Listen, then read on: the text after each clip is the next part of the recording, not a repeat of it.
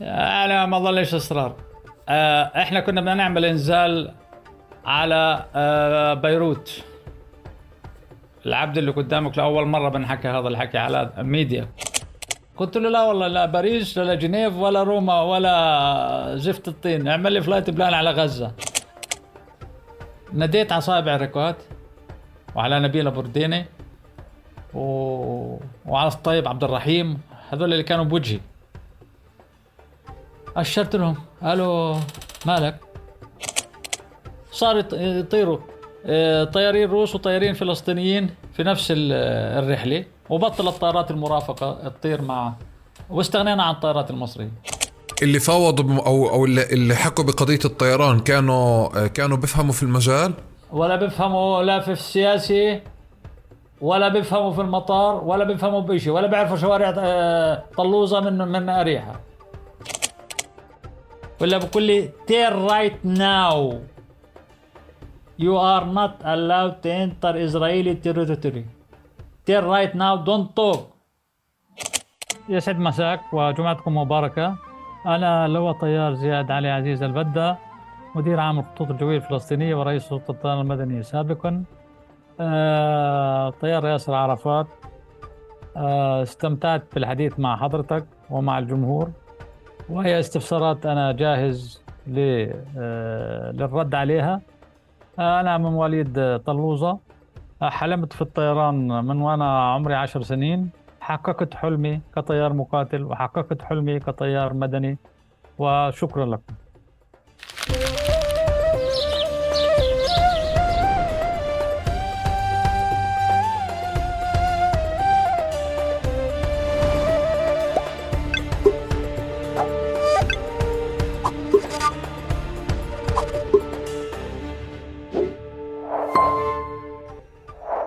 مرحبا واهلا وسهلا فيكم في حلقة جديدة من بودكاست تقارب. أه بدي أشكركم قبل ما أبلش بتعريف ضيفي وتعريف أه تعريف موضوع الحلقة. أشكركم مقدما على الاشتراك بقنوات الاستماع قناة اليوتيوب ومشاركة المحتوى اللي دائما بتشوفوه. شكرا إنكم أه دائما يعني مبكرا تشتركوا بالقنوات وبتفعلوا الإشعارات. وشكرا على مشاركتكم دائما المحتوى اللي بتشوفوه آه، مناسب آه، مع الناس اللي ممكن تكون مهتمة فيه. وشكرا دائما على آه، مقترحاتكم اللي بتوصلنا لمواضيع الحلقات. والضيوف. حلقة اليوم كمان هي مقترح من من العزيز سعد الوحيدي. شكرا لك سعد. وضيفنا اليوم العزيز زياد البدة وموضوعها كل فكرة الطيران بفلسطين. بالعادة لما بنحكي فلسطين وطيران ما بتمشي مع بعض القصة هيك بتكون قصة غريبة لأنه زي كأنه هذا حلم الأطفال اللي بيحكوه عن رائد فضاء والطيران. وغيرها وغرياتها بنلاقي إنه في سقف للسماء محدود عندنا وحتى بالتعاطي مع فكرة الخطوط الجوية الفلسطينية أو فكرة وجود طيارين فلسطينيين نتعاطى آه، معها بأقل جدية وبأكثر منها على سبيل النكتة والمزاح ولما تنذكر دائما نستغرب من وجودها. اليوم العزيز آه، زياد البدة راح يحكي لنا قصته وقصتها. أهلا وسهلا فيك. يسعد مساك وجمعتكم مباركة. وأهلا وسهلا بحضرتك وجميع المستمعين والمشاهدين. يعطيك ألف عافية. الله يعافيك ويخليك ويبارك فيك. آه، بدون مقدمات أو بالمقدمة أنا اللواء الطيار زياد علي عزيز البدة مدير عام الخطوط الجوية ورئيس سلطة الطيران المدني الفلسطيني سابقا. آه، مواليد قرية طلوزه شمال نابلس سنة 1966 آه تدربت على الطيران المقاتل في الباكستان وروسيا وليبيا واليمن وثم حولت إلى طيار آه، مدني وبدأت أطير مع الشهيد الرمز القائد أبو عمار رحمه الله كقائد لطائرته لمدة 15 عاما.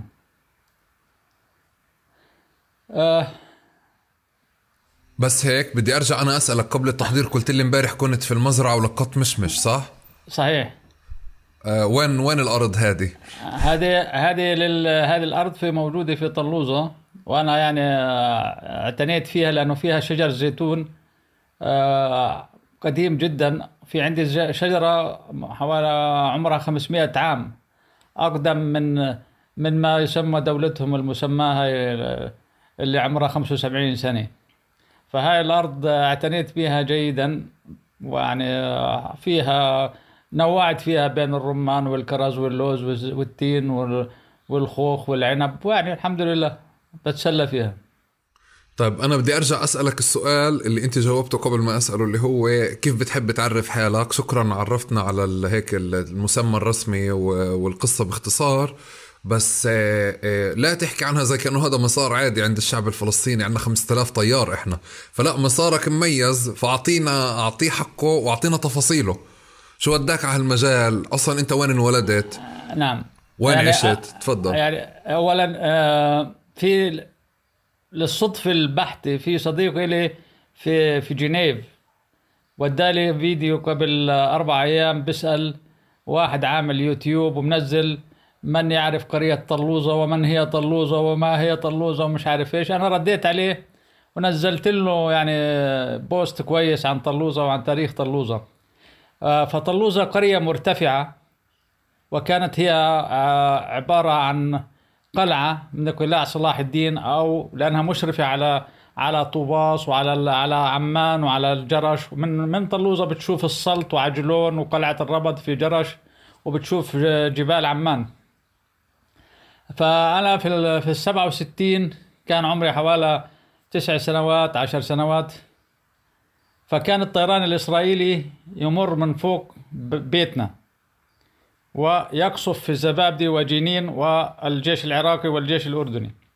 ومن هذيك اللحظة انتابني شعور بأن أنا أكون طيار مقاتل لأدافع عن فلسطين وعن أرضي وأصد العدوان الإسرائيلي.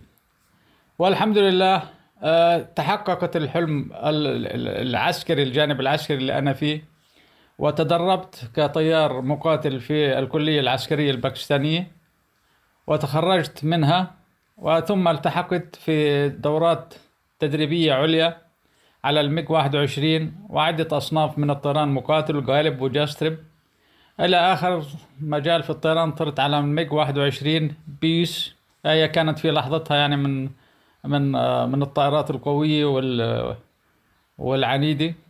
وحتى آه، طرت في نيكاراغوا طرت في اليمن طرت في ليبيا على الطائرات الميج 21 وكان لنا الشرف في مقاتلة العدو إن شاء الله. طب أنت إمتى بلش أصلا مسار مسار الطيران تبعك مسار التعليم؟ التعليم أنا لما لما خلصت توجيهي في ال 75 آه، لأن أنا كنت في آه، يعني آه، من الخلايا السرية التابعة ل- لم- لحركة فتح. والدي أسير انسجن وعمي انسجن. آه، عملوا عملية قصف لمقر الحاكم العسكري في نابلس. وأنا كنت يعني من ال من الأشبال. وبعدين التحقت يعني السبب الرئيسي لقربي من القيادة هو هذا. أنت سألت سؤال يعني حساس وأنا ما جاوبتش عليه لعدة وكالات أنباء السبب الرئيسي لقربي من القيادة ويعني وثقتهم فيه لأنه أنا من عائلة وطنية وخلفيتي وطنية. فمباشرة أنا خرجت إلى بيروت وكانوا خايفين علي إنه يعني آه، إنه ممكن ولد صغير يغلط يتفاخر يقول قصفنا وخذنا صواريخ وحملنا سلاح ومش عارف كيف. فما كانت أمنيتهم إن أنا أخرج وأخلص توجيهي وأخرج.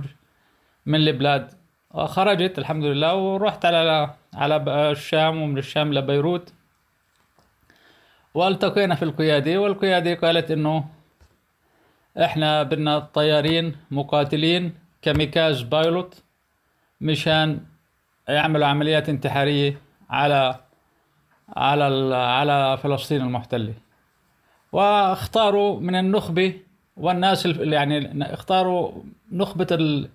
إيش بدي أحكي لك؟ ال- الثوريين. يعني بدهم ناس إنه عارفين انهم عارفين إنهم يعني مخلصين لوطنهم مخلصين لفلسطين آه، لن يتردوا في آه، في عمل المهمة التي ستكلف فيها. فقالوا خلاص الاخ أبو جهاد والاخ ابو عمار. اخترنا إحنا أربع طيارين ورحنا على الباكستان وتخرجنا من الكلية العسكرية الباكستانية. واللي خرجنا آه، في حينها آه، الرئيس الباكستاني ضياء الحق. فاهم علي؟ ويعني كانت آه، في هذيك المرحلة آه، شو بدي أحكي لك؟ إنه الإنسان كان وإحنا واقفين في ساحة البريد اللي هي ساحة العرض العسكري كنا نذرف دموعا فرحا وحزنا. فرحا لأنه بعد أربع سنوات من التدريب الشاق وال وال و... وعسكري يعني. انت أول شيء بدربوك عسكري مشان تتخرج ضابط طيار. لأنه اذا إذا فشلت كطيار بتروح كضابط. ف في هذيك اللحظة بتذكر جيدا كنا إحنا موعودين في السفير آه، السفير الفلسطيني آه، الله يمد بعمره اللي هو محمود أبو هنطش. هذا كان يعني بجد من خيرة السفراء ومن خيرة ممثل فلسطين وهو الذي هو اللي فتح آه، بدي أقول لك باكستان من لعمل كل الدورات العسكرية والتدريبية لا للمشاة ولا البحرية ولا سلاح الجو ولا الأركان. كانت علاقته جيدة و- واللي سبب والسبب كمان الرئيسي إنه كان موجود آه، ذو الفقار علي بوتو رحمه الله. ففي يوم تخرجنا آه، أعدم ذو الفقار علي بوتو وجاء ضياء الحق ليخرجنا يخرج لأنه آه، بدك تخرج حوالي 200 300 طيار مش لحالنا إحنا إحنا فلسطينيين وفي بحرينيين كان وفي عمانيين وكان في آه، عراقيين وفي ليبيين وبالإضافة إلى الباكستانيين الموجودين. يعني كان في هذا احتفال بصير بشكل كبير جدا يعني آه، بنعمل له قيادة الجيش والمدفعية وسلاح الجو وكلهم بيجوا بيشاركوا في هذا ال- الاحتفال والتخرج. المهم وضعنا ف آه، أنا استغربت إنه ليش يعني السفير ما جاش؟ ما كناش عارفين شو اللي عم بيحصل. إحنا طلاب يعني في داخل الكلية كله تدريب قبل ال- التخرج. إلى أن آه، بعدين لما حكينا مع السفير كنا ليش ما جيتش؟ ازعلتنا قال ما هو اللي خرجكم قتل علي ذو الفقار علي بوت. فأنا احتجيت باسم فلسطين على مقتل ذو الفقار علي بوت. وجاء الرئيس الباكستاني يعني ضياء الحق بيحكي عربي. بيحكي عربي كويس. وحط لنا الجناح على صدورنا. وبعد عملية التخرج ذهبنا لحفلة غدا بيقيموها على شرف الرئيس تكريما للضباط الخريجين.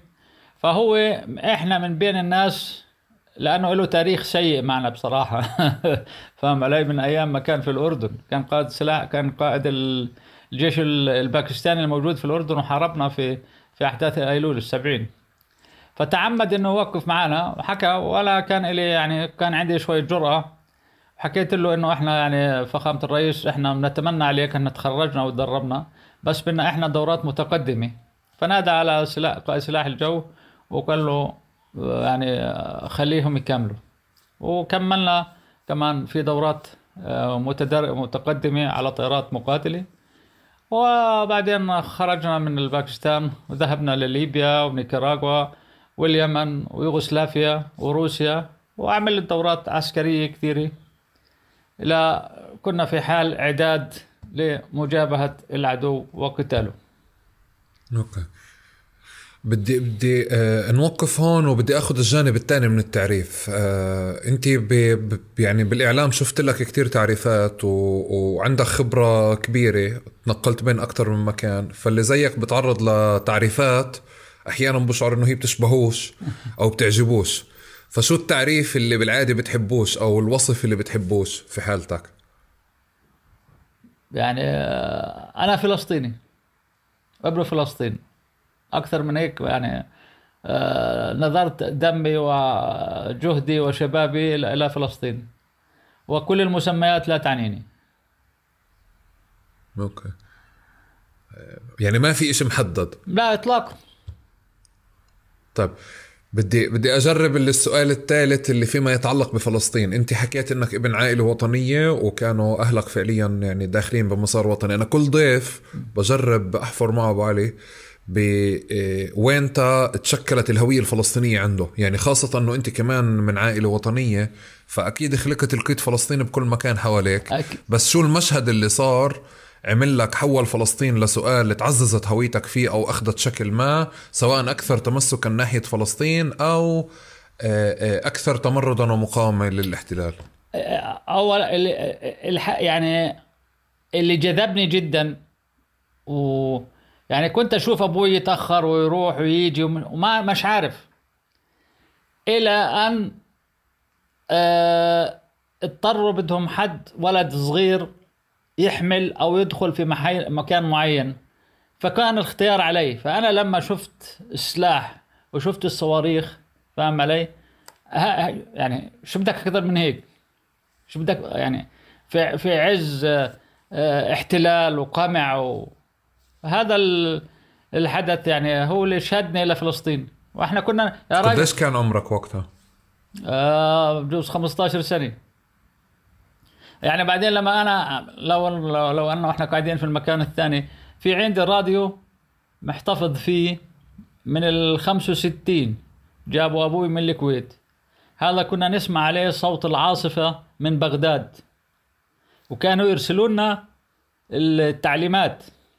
يعني مثلا آه، مجموعتنا كان اسمها آه، 520 شموطي.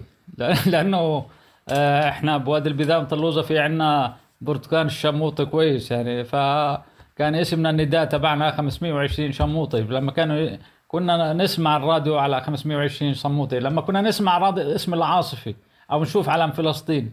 يا عم إحنا جينا نتربى على على حب فلسطين. بدون أي حدا ما. يعني شو بدي أحكي لك؟ شعور مولود في في الفلسطيني. هي هيك. يعني حتى حتى ح- بس هو هو كل حدا كل حدا أبو علي صار عنده مشهد مزبوط إحنا ولدنا وخلقنا ولقينا هيك.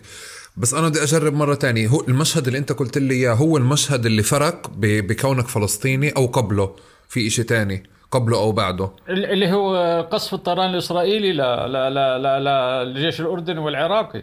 هذا حد حد يعني زرع في قلبي لازم اقاتل الإسرائيليين. يعني هذا المشهد ما بروح من من من مخيلتي. وأنا واقف على ظهر الحيط حتى اني بذكر آه، في جزيرة في آه، الأخوة العربية أو ال- ال- القناة العربية ولا القناه العربي؟ أعتقد العربي.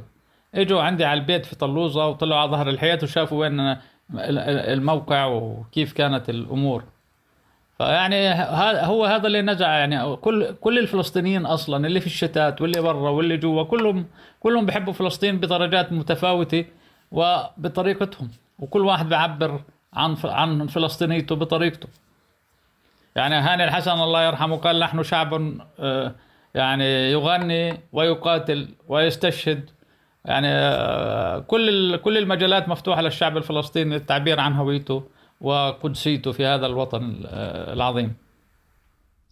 طيب آه، آه، حلم الطيران بالعادة بكون للناس المشاغبين في الطفولة. هيك إحنا بنعرف أو الناس ال- ال- المؤدبين اللي بكونوا قاعدين بالصفوف الأولى. فبدي أسألك بالصف بصفوف المدرسة. نعم. كنت أنت بالصفوف الأمامية من الأوائل ولا بالصفوف الخلفية من مع المشاغبين لا. ال- الأذكياء؟ لا أنا بصراحة من المشاغبين.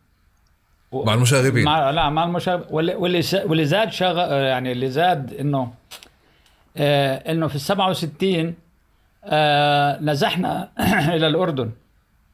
كان أبوي في الكويت ونزحنا للاردن وهناك آه يعني حب فلسطين ازداد أكثر لأنه كنت أروح أعمل دورات تدريب أشبال. كانوا يدربونا كاشبال يدربونا على الكلاشينكوف ونحمله يعني وعلى المولوتوف وكل ال... فهاي كمان يعني نشأت في آه، آه، زيادة في في في ال- المشاغبة مثل ما بدك تقول طب انت ك كحدا اللي هو مشاغب بلش حلم الطيران عندك آه، بقديش عمر؟ عشر سنين عشر, عشر سنين. آه، عشر 11 سنة هيك شيء تقريبا أوكي وبعدين افصحت فيه حكيت فيه ولا مثلك مثل الأطفال التانيين العاديين؟ والله إنه يعني آه بين الزملاء كنت أحكي إنه أنا بدي أصير طيار مقاتل. لأنه لما لأن لما لما إحنا كنا نتفرج ما كنتش لحالي أتفرج على الطيران على الطيران الإسرائيلي وهو يقصف. كنا مجموعة شباب صغار يعني فاهمين قاعدين على ظهر الحيط نتفرج. فقلت لهم أنا بدي أصير طيار مقاتل. وفي ثلاثة من أصدقائي اللي عايشين لحد الآن يعني قالوا أنت صدقت الوعد و وزبطت معك. طيب في الوقت اللي انت تدربت فيه أو وقت الط... آه، في السنين اللي انت تدربت فيها وتعلمت فيها الطيران آه، كان في شبهة على الفلسطيني بأنه يتعلم طيران مثل ما هو موجود اليوم؟ لا إحنا شوف لا. لا ما كان في. أول وبعدين إحنا أنا أنا تبنتني منظمة التحرير تمام؟ يعني اللي تبنتني منظمة التحرير. ما خليناش نكون أوسع تبنتني حركة فتح فاهم علي؟ فأنت مدعوم في جهة وراك. واللي كان يدفع تدريبنا يعني بدون إنكار اللي دفع تدريبنا إحنا الأربع طيارين اللي هي ليبيا القذافي. حوالي في وقته في حينه 7 مليون دولار دفع للخزينة آه، للدولة الباكستانية؟ آه، فقضيه آه، إنك أنت الآن تيجي دك... أول كان تروح ب 10000 دولار تروح تعمل تطلع على أمريكا على تكساس تعمل commercial pilot license وترجع. هلا أول شيء التكلفة غالية اثنين الرقابة صارت أكثر والأهم من ذلك إنه أنت بدك ما حد يتبناك يعني هلا في كل أنظمة الدول الدول المحترمة ولا الدول اللي عندها طيارات وعندها طيارين إنه لما لما الطيار المقاتل يعملوا له سسبندد أو إنه لسبب ما أو تقاعد أو أي شيء فوين بتروح؟ لأن هلا عنده خبرة هاي الخبرة هلا مصر آه الأردن معظم الطيارينها وكباتنها الغالبية في منهم. وكلهم طيارين خلفيتهم طيران طيارين آه، عسكريين. عنده الكفاءة وعنده القدرة وعنده الخبرة. لا أنا لا ما بشكك في الطيارين المدنيين الثانيين. لكن هم بتخرجوا بروحوا بيعملوا دورات. يعني مش زي العسكر. أنا هذا اللي بدي أسألك عنه. بتأكد أنت على طيار مقاتل. إحنا فعليا الحلم تبع البني آدم أو الطفل العادي المشاغب شوي إنه بده يكون طيار. هيك هسا انت محدد كنت طيار مقاتل ومشيت بالمسار تبع طيار مقاتل؟ آه طب طبيعي طيار مقاتل. أنا لولا أبو عمار أجبرني ان أحول لطيار مدني آه، ولا ما حولتش. بس أبو عمار الله يرحمه آه قال لي لازم تروح تعمل commercial pilot license مشان إنه تطير معي. فرحت حولت آه، عادلت ساعاتي الطيران المقاتل ورحت عملت أربع خمس ساعات وأخذت شهاده ال commercial pilot license يعني شفت كيف؟ أنا بأربع خمس ساعات أخذت commercial pilot license بينما الطيارين الثانيين بده يبدأ من من ال scratch من ال zero حتى يوصل ل 220 ساعة ولا what ولا 160 ولا 180 ساعة. تا يأخذ الكو تا يأخذ ال commercial pilot license هذا نتيجة كثافة التدريبات اللي بتاخذوها تمام أنت لما تكون طيار مقاتل لما أنا لما أكون ميج 21 قاعد في طائرة صاروخ أنا بدي أكون الرادار وبدي أكون ال operator وبدي أكون قائد تسليح وبدي أطير وبدي أعمل أنا أم أي emergency فكل هذا بده يكون يعني تدريب مكثف. لا يعني انه لا يعني إنه الطيارين المدنيين العاديين ما بتدربوا في ال simulator وباخذوا دورات تدريبية ومكثفة على ال simulator. مشان الحالات ال emergency والطوارئ. بس أنا بحكي على قضية ال building hours هاي ال building hours إذا ما كان في حدا بتبناك مش من السهل إنه أنت شو يعني ال building hours اللي هي ساعات البناء ساعات التعليم الأساسية؟ شو يعني building hours لا يعني لما بده يكون عندك 4 5000 ساعة كيف طيران كيف بدك تجيبهم؟ آه. كيف بدك تجيبهم ال 4 5000 ساعة؟ ففي الأردن بتطير على على ال C 130 بتطير على الطائرات المقاتلة في مصر نفس الشيء خلصنا من هذا المجال عنده عدد كم هائل أو عدد معين من الساعات. حول ل commercial pilot هلا أنت بدك تروح تعمل آه، تطير على البوينغ 737 تمام؟ ما بروح ما بتعمل كابتن مباشرة على 737 للمتدربين. تمام؟ فبروح as في الأردن بتروح أول شيء هذا flight engineer تقعد observer حوالي 200 300 ساعة. بعدين بتنتقل من ال flight engineer ل co-pilot 200 300 ساعة حس- حسب كفاءتك وبعدين بنعمل لك check pilot تصير كابتن. بت- بتغير من البوينغ 737 للايرباص مش ما تمرش في في الضغط الأول بس إنه صار عندك أنت as كابتن بدك تعمل simulator بدك تعمل دورة ثانية مشان إنه التحديث على طائرة ال- الايرباص 380 مثلا. okay. ولا البوينغ 727 ولا البوينغ 770 آه، يعني ف فال building hours اللي أنا بحكي عليها هذه بتكون خبرة داعمة لإنك آه، تحول من كابتن لكابتن لكابتن يعني من كابتن طيارة معينة لكابتن طيارة أخرى. okay. آه، أبو علي أبو عمار أي سنين حكى لك أو طلب منك تأخذ ال license الشهادة للطيران المدني؟ آه شفت أحكي لك؟ أنا ما ضلش إصرار. آه إحنا كنا بدنا نعمل إنزال على آه بيروت. العبد اللي قدامك لأول مرة بنحكي هذا الحكي على الميديا. كل الميديا رفضت تحكيها. آه كنا بنعمل إنزال على على بيروت لفك الحصار عن صبرا وشتيلة. تمام؟ فحاولنا نجيب طيارات وحصلنا على الطيارات وحاولنا نجيب طيارين واغريناهم بالمال وأنه هذه العملية عملية آه، آه، نقل مساعدات. وبالعكس كان في الطيارة آه، في الطيارتين كان عندنا في كل طيارة أكثر من 500 مقاتل 600 مقاتل. كان الهدف الهبوط في مطار بيروت والتوجه إلى إذا بعرفش بتعرف بيروت أنت ولا بتعرفش بيروت. في نهاية مدرج بيروت بتلف على إيدك الشمال في برج البراجنة وصبرا وشتيلة من هناك إحنا على أساس تنزل القوات والمقاتلين كلياتهم. هلأ لما تنكدنا في عملية ال research والبحث عن طيارين يجوا يعني يعملوا رغبة رغبتنا كانت شوي صعبة. بينما يعني مثلا لو أنا لو في عندنا طيارين فلسطينيين كانوا أكفاء أو مش أكفاء أو يعني عندهم ال license والخبرة اللي يطيروا في هيك طيارات فاهم علي ضخمة ما ما ترددناش. ولا سألنا. فاهم علي؟ قد إيه كان عددكم في هذاك الوقت الفلسطيني الطيارين؟ شوف ال- ال- السلاح الجوي الفلسطيني أو اللي هي القوة الأرجوية 14 سميت 14. بالاربع سميت بالقوة الجوية 14 لأنه إحنا اللي العماره اللي كنا ساكنين فيها 14 في بيروت. فأخذ اسم مشان السرية القوة 14 فإحنا آه، صار اسمنا القوة الجوية 14 هلأ إحنا في السبعين لما تم انشقاق أو التحاق إخواننا من الجيش الأردني في منظمة التحرير أكبر نسبة كانت انشقت مع منظمة التحرير اللي هي آه، سلاح الجو الأردني. سلاح الجو الأردني كان في نسبة عالية جدا جدا من الفلسطينيين اللي تدربوا في أمريكا وبريطانيا كطيارين ومهندسين وميكانيكيين. على أعداد هائلة. يعني عدد المؤاخذه الإخوان في الأردن ما كانوا يتوجهوا لهذا المجال فاهم علي؟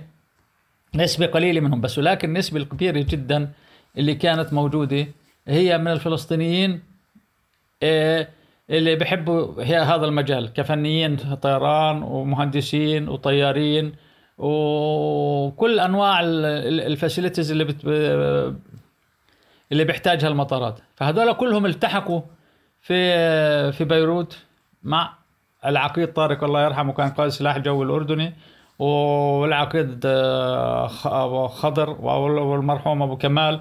يعني مجموعة كبيرة من الطيارين كانوا كلهم هذول طيارين اكفاء يعني وقاتلوا الإسرائيليين والتحقوا في فلسطين. لكن قبلها قبلها مشان تكون الأمانة يعني في الخمس في ال 66 وال 67 القيادة أصرت إنها تعمل درب طيارين وللمفاجأة لكل العالم ما بيعرف إنه أول دولة دربت إن طيارين آه، كانتحاريين هي المغرب أيام الحسن الثاني. ودت مجموعة وبعثت مجموعة من حوالي آه، سبع طيارين تدربوا على الهليكوبتر كان أسهل الهليكوبتر تعمل عمليات إنزال وتعمل عمليات انتحارية في فلسطين. كانت أسهل. علينا. من ال- ال- الميج 21 بدها مطار وبدها أو آه، بدها يعني بس الهليكوبتر هو من هون نشأت فكرة آه، القوة الجوية. عملية إنزالات خلف العدو في طائرات هليكوبتر ونشأت وبدأت الأمور. وكان في عندنا تعداد بجوز بج- وصلنا بين فنيين ومهندسين أكثر من 1500 واحد. آه ولا شو أكثر. ذروة النشاط للقوة 14 أنت بشهادتك وين كان؟ نشاطنا ال... ب... لما كنا نشارك في سلاح الجو الليبي في سلاح الجو اليمني آه، في سلاح الجو النيكراغوي آه، هذول الثلاث دول اللي كا- اللي كانت يعني أكثر دول آه، يعني بالحديث. كان في نيكاراغوا في رادار معطل ولأنه أمريكي. من أيام العهد البائد اللي صلحه مهندس من عندنا مهندس رادار من عندنا طلع على نيكاراغوا وصلح الرادار وبدأ يشتغل. وإحنا آه رحنا كطيارين مقاتلين مع أورتيغا اللي موجود الآن ضد آه ضد آه الزيرو. في الرئيس واحد اسمه زيرو فانفصلوا. فيعني وإحنا والأمريكان طلبوا طلبوا من الدول العربية مغادرة الطيارين الفلسطينيين نيكاراغوا. يعني إحنا للأسف لأنه كانت كل أمورنا سرية ما كان ينحكى فيها والناس ما كانت تعرف. وممنوع الحكي في هذا المجال. ف تفضل. بدي بدي بدي أرجع معلش لعند ليبيا رح آجي لنيكاراغوا بس عم بمشي معك بالتدريج. احكي آه، قلت لي ذروه ذروة آه، قم نشاط القوة 14 كان في ليبيا واليمن نيكاراغوا. إيش كانت طبيعة النشاط في حينها طيارين مقاتلين ومهندسين. أوكي إيش إيش كنتوا تعملوا مع في ليبيا؟ في ليبيا آه، في عندهم مجموعة في عندهم طيارات كثيرة. طيارين كانوا يطيروا كنا نطير على السي ماركت مثلا ويطيروا على الميج 21 وعلى 23 وعلى السوخوي وعلى الجاليب وعلى الجاستريب. هاي كانت طيارات متوفرة في ليبيا. وكان في وكان عندنا فنيين آه، يعملوا على في صيانة الطيارات وعندنا مهندسين كذلك. وبعدين إحنا أنشأنا سرب إلنا خاص اسمه سرب الشهداء اللي هو اشترينا أربع طيارات هليكوبتر. ما قلت لك مشان نعمل فيهم عمليات آه، إنزال على خطوط العدو. وخزناهم ببيروت ولما خرجنا من بيروت خرجناهم معنا. نعم نعم نعم لا تستغرب نعم. أوكي وين راحوا هدول؟ وين أخذتوهم معكم؟ أخذناهم على اليمن وركبناهم في اليمن. أوكي. أه؟ فعليا أنتم ذروة النشاط كان آه، آه، في ليبيا بس أنتم كنتوا ضمن نشاط يعني ضمن نشاط سلاح الجو الليبي ولا كوحدة فلسطينية؟ لا إحنا نلبس الشعار اليمني أو الشعار الليبي واللباس ال... إحنا الهدف من القيادة يعني شوف شوف بدناش أحكي كلمة اللي حكى لي أبو جهاد الله يرحمه. بدي أحكي لك إياها بطريقة مؤدبة. لما يصير لا تقدر في... تحكيها زي ما هي. عادي بنفع. البرنامج هذا بتقدر تحكيها زي ما هي تشفرش. تفضل. يعني أبو جهاد الله يرحمه كان لما يصير بطيسكم خير فاهم بدك 10 15 سنة تصير كفؤ فاهم علي؟ وهو بالفعل أنت بدك تدريب. بدك حدا يتبناك تتدرب. والطيران هو عن ممارسة. وكل طلعة بتطلعها وكل landing بتعمله هو تجربة جديدة. ظروف الجو بتختلف ظروف المطار بتختلف السرعة بتختلف كل شيء بيختلف.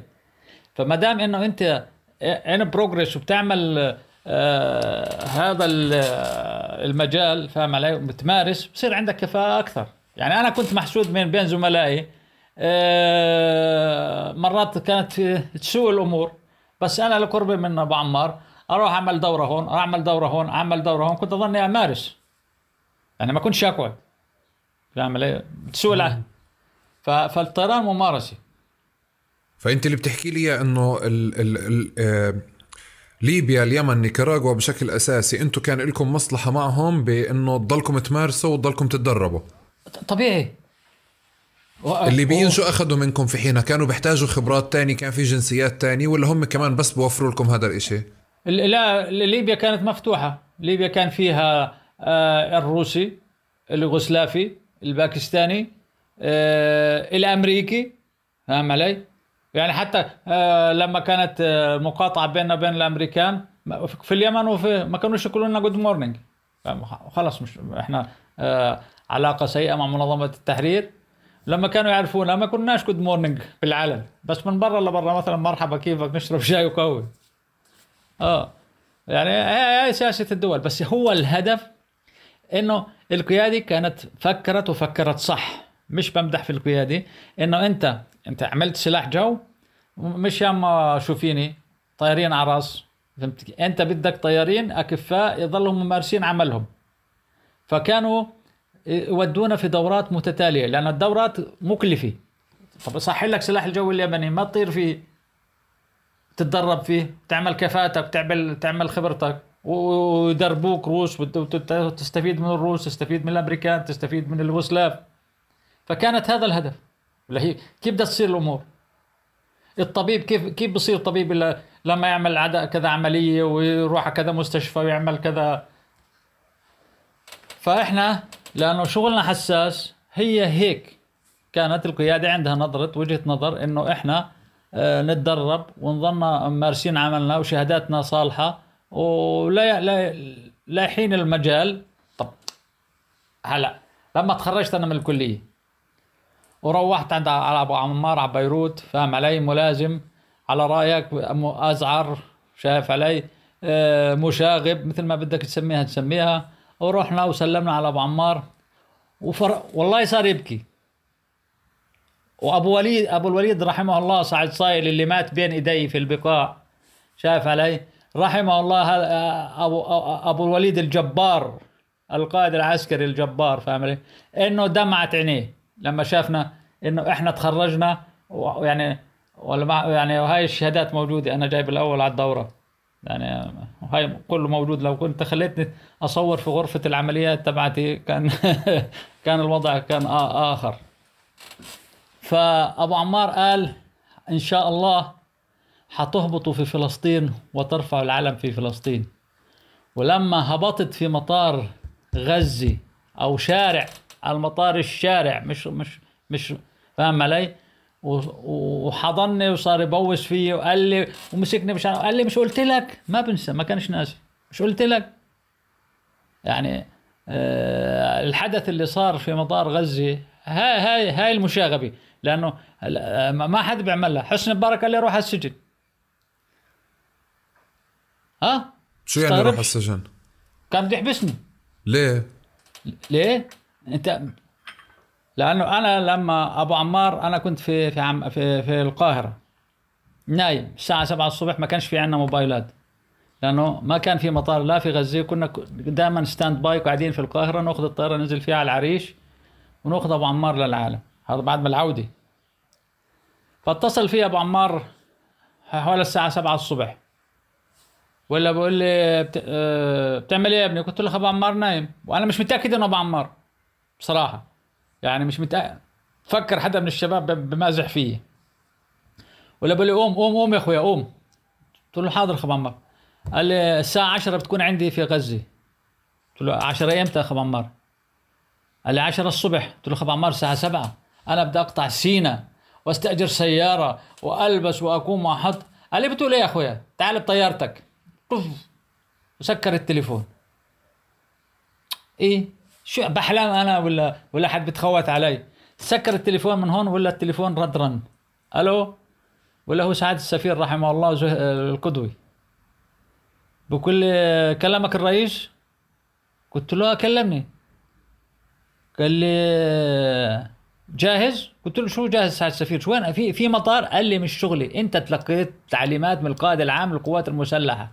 انت عسكري بتنفذ التعليمات. عشر دقائق ربع ساعة باجي باخذك مشان نطلع على المطار. قلت له سعادة السفير. أنا حكيت كلمة كبيرة. أنا بدك الصراحة شو قلت؟ قلت له يا زلمة أبو عمار بعقله؟ قال لي اسمع أنت بتحكي عن الرئيس.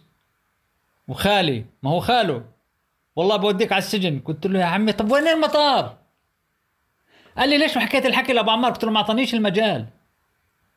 سكر التليفون وجهي قال لي ما عليك نفذ. فهذه المشاغبه اللي انت بتحكي عنها لما حكيت للكابتن عمر هو خريج كندا وطيار كفو ومن دير الغصون ومحترم ومؤدب قلت له قوم يا سيادة الكابتن بدنا نروح نطير على غزة. قال لي أي غزة أنت الثاني ليش ما اعطيتنا أبو عمار؟ قلت له أنت يعني شو شو بدك تقول له؟ رحت نلبس لبسنا وحطينا هالبدلة. ورحنا رايحين يعني منجكة. المصريين أصلا مش حيعملوا لنا flight plan لأنه أنت بدك تعمل أي رحلة طيران في العالم لازم تعمل flight plan اللي هي رحلة جوي رحلة المسار الجوي تبعك. وهاي اللي بصدر لك إياها اللي هي بروكسل. تعطيك الارتفاع وقت الإقلاع وقت الهبوط والاتجاه وكل هذا فاهم علي؟ فهاي هاي شبكة يعني international آه، لو المهم رايحين والسفير معنا وصلنا للمطار هو قاعد في صالة ال VIP وأنا بدي أروح أعمل شغلي اللي هو أول شيء أعمل لي flight plan بدي أعمل لي flight plan طلعت على البرج بتمسخر. بقول له أقول له بقول هلا يا كابتن إزيك؟ فين ال flight plan إن شاء الله؟ باريس جنيف روما. فين؟ قلت له لا والله لا باريس ولا جنيف ولا روما ولا زفت الطين. اعمل لي flight plan على غزة. قال لي بتقول إيه يا كابتن؟ شو ماخذ قرش حشيش؟ عارف شو قرش حشيش؟ يعني آه طبعا. قلت له قلت له إيه إيه يا ابني إيه؟ بتقول إيه قال لي وين غزه أعطيني نقطة في العالم تقول إنه في مطار في غزة أنا ما بعمل لك flight plan شو بدك تودينا على السنة قلت له يش شكرا لك يا باشا وكل الاحترام والتقدير لك أوكي السلام عليكم. أنا دار ظهري من هون وبدي أنزل. خلص لأنه بدون flight ما حدا بيعمل لك تشغل ولا تستغل تش... تمشي تعمل تاكسي ولا شيء ولا التليفون برن ولا هو وقف تمام يا فندم؟ تمام يا فندم؟ تمام يا فندم؟ تمام يا فندم؟ بقول لي هيك. تمام يا فندم؟ أنا عملت حالي قدام. تمام يا فندم؟ سكر التليفون عرق وصار يرج. بقول له مالك؟ قال لي مكتب رئيس رئيس مكتب الرئيس حسني مبارك بحكي معي. هات هات أعمل لك flight plan كنت لو بتجيش الا بالمليح يعني. يلا أعمل flight plan عمل flight plan قاهره غزة.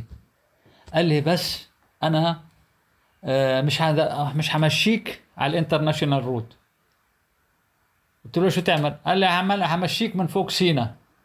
قلت له يا سلام. أحسن شيء. يعني هذا الخط المسار للطيران العسكري. يعني بدل ما أمشي حوالي ساعة ساعة وربع توصل العريش على المسار الدو... المدني مم. خ- 13 بعد دق... 14 دقيقة بكون في العريش. اختصر لي الوقت بكبير. والله عمل لي flight plan أخذتها.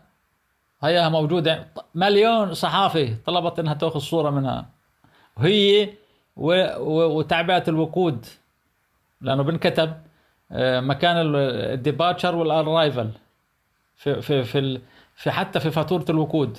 وفي ال- الثنتين محتفظ فيهن ومجلدتهن نزلت عبيت وقود. وعمر بقول لي شو؟ قلت له flight plan أوكي.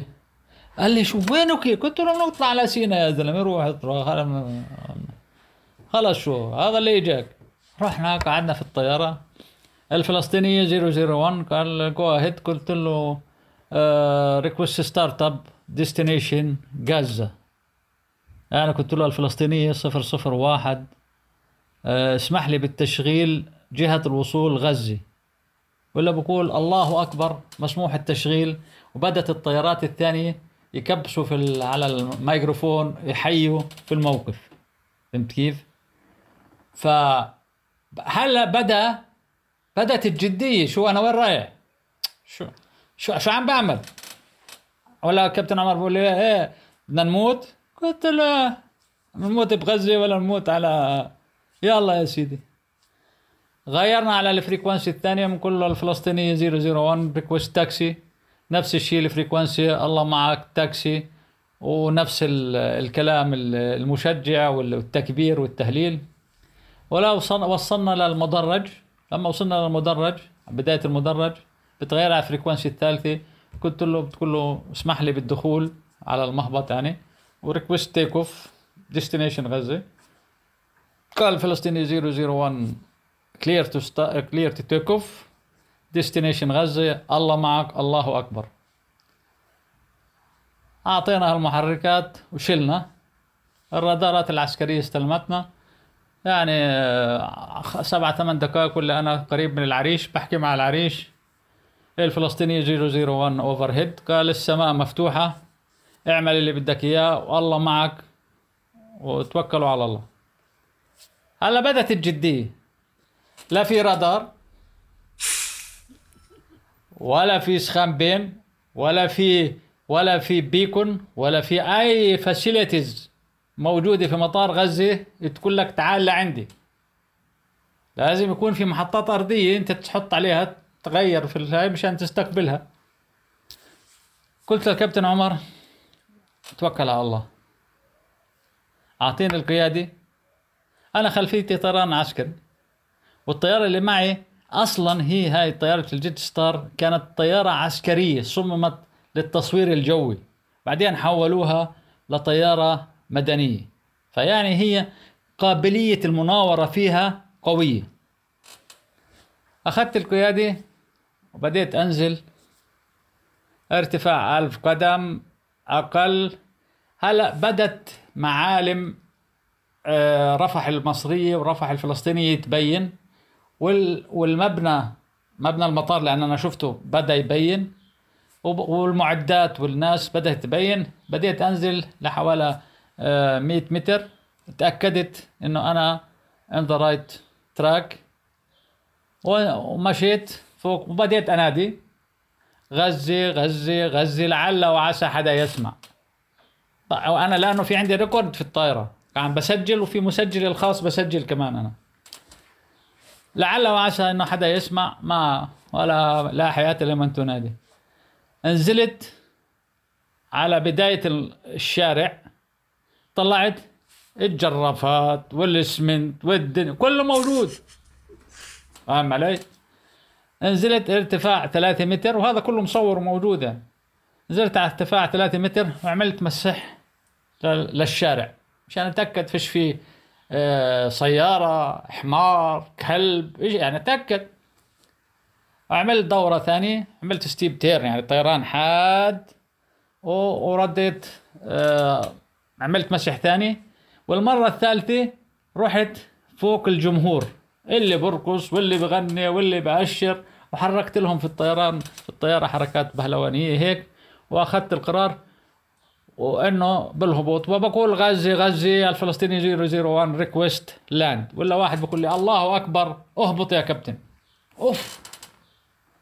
ولا هو آه، مدير البرج يعني مهندس آه، آه، فيصل حمد شاب محترم.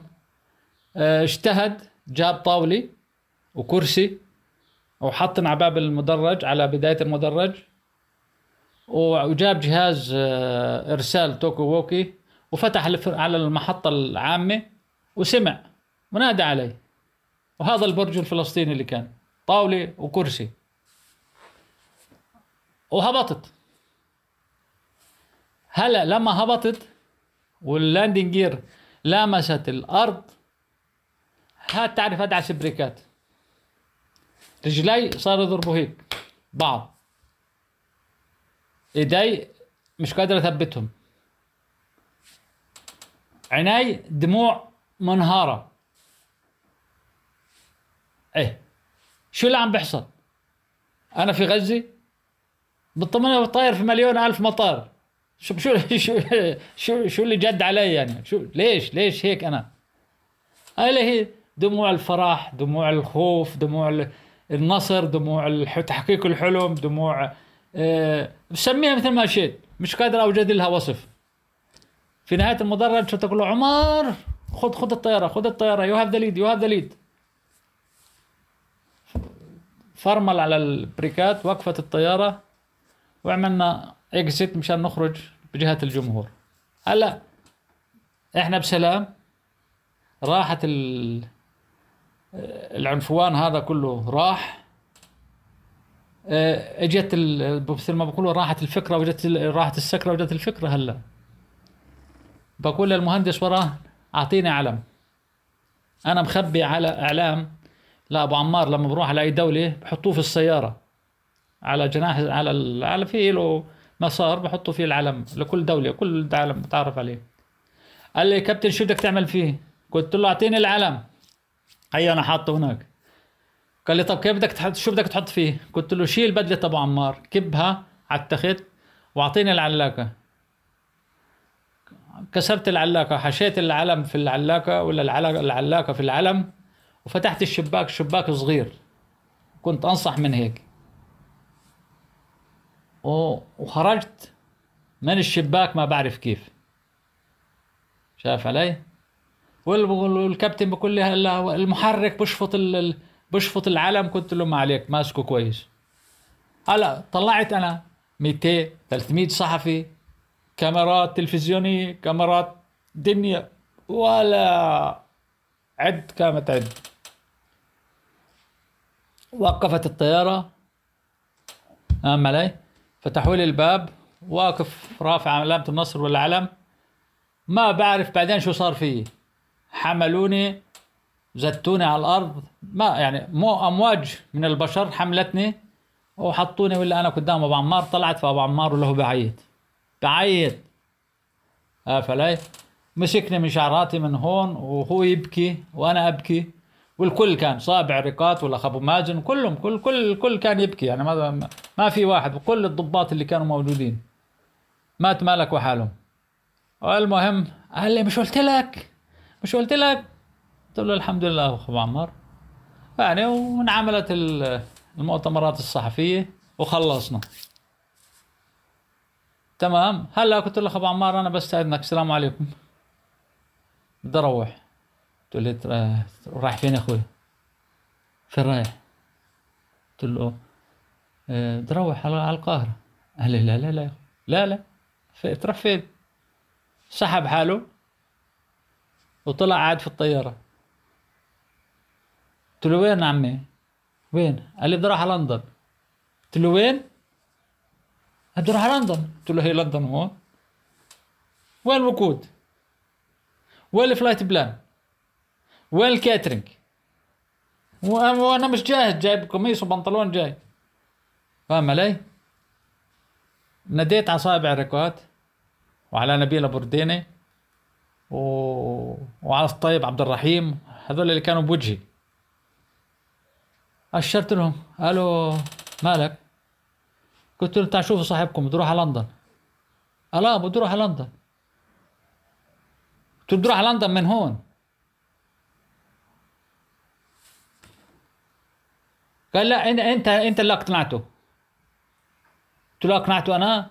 تعالوا تفضلوا اطلعوا شوفوا صاحبكم طلعوه من الطيارة. واحد قاعد في الطياره بدوش ينزل. رئيس في النهاية شو شو له أنا؟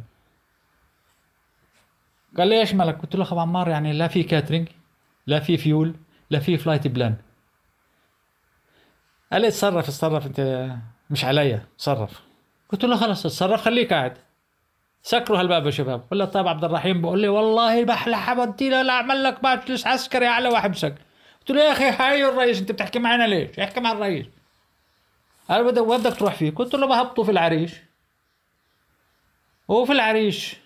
خمس دقائق في العريش. آه بعبي وقود وبعمل flight plan وبطلب catering والحقونا أنتم بالسيارات. هذا صار يجوا يتوشوشوا هم وياه. إنه ما بصير. بتعرف البروتوكول مع الإسرائيليين وهذا ومش عارف إيش. يعني إيه، وبدنا نروح. قال له ما يا أخويا مش انت عاوزين تروحوا تجيبوا شنطكم تجيبوا حاجاتكم قالوا بدنا نجيب الباسبورات. يعني بتعرف الأمور الهاي. فاقتنع ونزل من الطيارة وأنا استنيته في في العريش. عبينا وقود وعملنا ال flight plan وجبنا catering للطيارة. أنا ساعه ساعة ونص ولا هم جايين. هلا بس أنت لازم أنت ولا بيستمع لازم تذكر تعرف إنه أنا طالع من بيتي الساعة 7 الصبح أو 8 الصبح. حتى لحيتي ما أحلقتها. مش جايب معي فرشاة اسنان ولا أي شيء رايح آه، كزدرة على العريش. نعم علي. هبطنا. هذا الحكي ب 2 6 96 يعني 2 6 يعني العريش نار الله الموقدة. فاهم علي؟ اجوا الإخوان. وين يا عمي؟ إحنا جاهزين على لندن. طلعنا على لندن.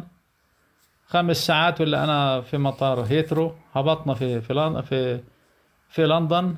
طيب اخو عمار شو أعمل؟ أضل في المطار ولا أروح اريح لي شوي؟ لا لا يا أخوي أروح على الأوتيل. تعال معي قلت له معك بدي أسكر الطيارة وأعمل لها صيانتها وباجي. بس خلي لها سيارات يعني متعرف عليها من البروتوكول. وصلنا على وصلنا على الأوتيل. تصور عليك الساعة سبعة الصبح تعب العريش فرحة الهبوط. طيران خمس ساعات للندن. مش ماكل مش شارب ولا شيء وصلنا داي يعني دايخين. فتحت حطيت حالي بهالغرفة. كبسناها نومي. الساعة ثلاثة الصبح أربعة الصبح صحيت. كأني نايم مليون ساعة. صحيت لحالي. قمت عملت الصلوات اللي علي. طيب بدنا نحلق فيش لا في دكان. ولا في سوبر ماركت ولا في ولا في أي شيء. بدنا نفطر. المهم نزلت الساعة 6 الصبح. لابس بقى هالبدلة اللي علي. القميص معفن عرق ودنيا وكل شيء. ونزلت على ال على ال reception. تحت مشان على البهو. في المطار في أوتيل آه، five stars ولا seven stars hotel اللي إحنا نازلين. نازلين الحكومة البريطانية. كل الناس تطلع علي وبتضحك. إيه شو قصتهم هذول؟ صرت اطلع على الناس السحاب البنطلون. بصراحة إيه لابس القميص ولا جاكيت غلط. شو في علي؟ إيه. الكل بتبسم وبضحك.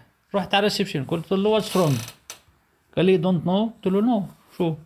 قال لي خد كانين حاطين لي كل الصحافة اللي بتصدر في لندن الشرق الأوسط وال... والصحف العربية والبريطانية كلياتها وحاطين صورتي على أول صفحة في كل الصحف. وهي كلها موجودة عندي. وأعطاني إياها. آه أيقنت ساعتها هلا إنه الناس ليش؟ كانوا شايفين على التلفزيون لو كان حدث عالمي. أنا شو بعرفني؟ أنا طاير. بعرف إن في شفنا نشرة أخبار ولا نشرنا؟ بس وكالات الأنباء كانت تتناقل. وحدث عالمي اللي صار. ويعني المهم بعدين صرت كل الناس good morning وأسلم عليهم وابتسم يعني كنت مكشر أول كنت ازهر يعني. مثل ما تقول مثل ما يعني ليش بتضحك؟ ليش بتضحك يعني؟ فاهم علي؟ المهم يا صاحبي قعدنا أفطرنا. ولا ساعة ساعة ونص ولا التليفون برن. احكي مع ابو عمار. حكينا مع نعم اخو عمار. قال يا ابني أنا غلبتك. قلت له يا عمر قال بدي أنزل على العقبة. في اجتماع مع الملك حسين ومع الرئيس حسني مبارك. قلت له حاضر عمر هاي أنا طالع على المطار. قال لا لا لا تطلعش باخذك معي. قلت له اخو عمار أنت آه، تقعد تستنى في المطار. أنا بروح بجهز الطيارة وبعمل ال flight plan وبعمل كل الأمور وبعدين بتيجي. قال لي لا لا لا. آه، هلا آه، ذروة ال- السير بجوز تتأخروا. إحنا بيفتحوا لنا الطرق وتعال معي وانا بستناك في الطيارة. قلت شكرا لك. رحنا جهزنا الطيارة وينك يا عقبة؟ هبطنا في العقبة. بقول له أخو عمار آه، آه، أنزل على الأوتيل أريح شوي. بتعرف العقبة؟ نار كمان. قال لا يا أخويا كلها خمس دقايق. طيب رايح فين؟ خليك خليك خليك خليك خليك قاعد. طيب كل الشباب خلوا الطيارة شغالة شغلوا هالكونديشنات خلينا أريح لي أنام لي ساعة زمان على هالكنباية. أكيد الخمس دقائق عنده هاي خمس ساعات. المهم ساعة ساعتين ثلاثة ولا المهندس بزق فيه. قوم قوم قوم اجا ابو عمار. أنا الع- ربطة العنق ومش لابس الطاقية وشعراتي مجعلكات ولا حالك صار لي يومين. نزلت بدي استقبله على سلم الطيارة. هلا وقفت على سلم الطيارة ظبطت ال- الربطة وحطيت الطاقية وظبطت القميص الجاكيت على أساس تاكل باب الطيارة. هلا شوف المنظر. الملك حسين وحاشيته. وحسني مبارك وحاشيته. وأبو عمار وحاشيته. والسكيورتي ورحمهم الله جميعا. فكان الملك حسين وأبو عمار بدهم يودعوا الرئيس حسني مبارك على طيارته. وبعدين الملك حسين الله يرحمه يجي يودع أبو عمار. هلا كل هذا الموج البشري اللي بحكي لك عنه في ثواني ما وعيته إلا كله متوجه عندي. اعطيت أبو عمار. رديت وقفت مزبوط فاهم علي؟ وإجا الملك حسين ربنا الله كان دمث جدا. الله يرحمه وقف أديت له التحية. وقال لي مبروك افتتاح. مطار غزة. أنت أبكيت الكثيرين وأفرحت الكثيرين. وأنا ممن فرحوا لك. وكيب طب؟ وإن شاء الله بتهبطوا في مطار قلندة.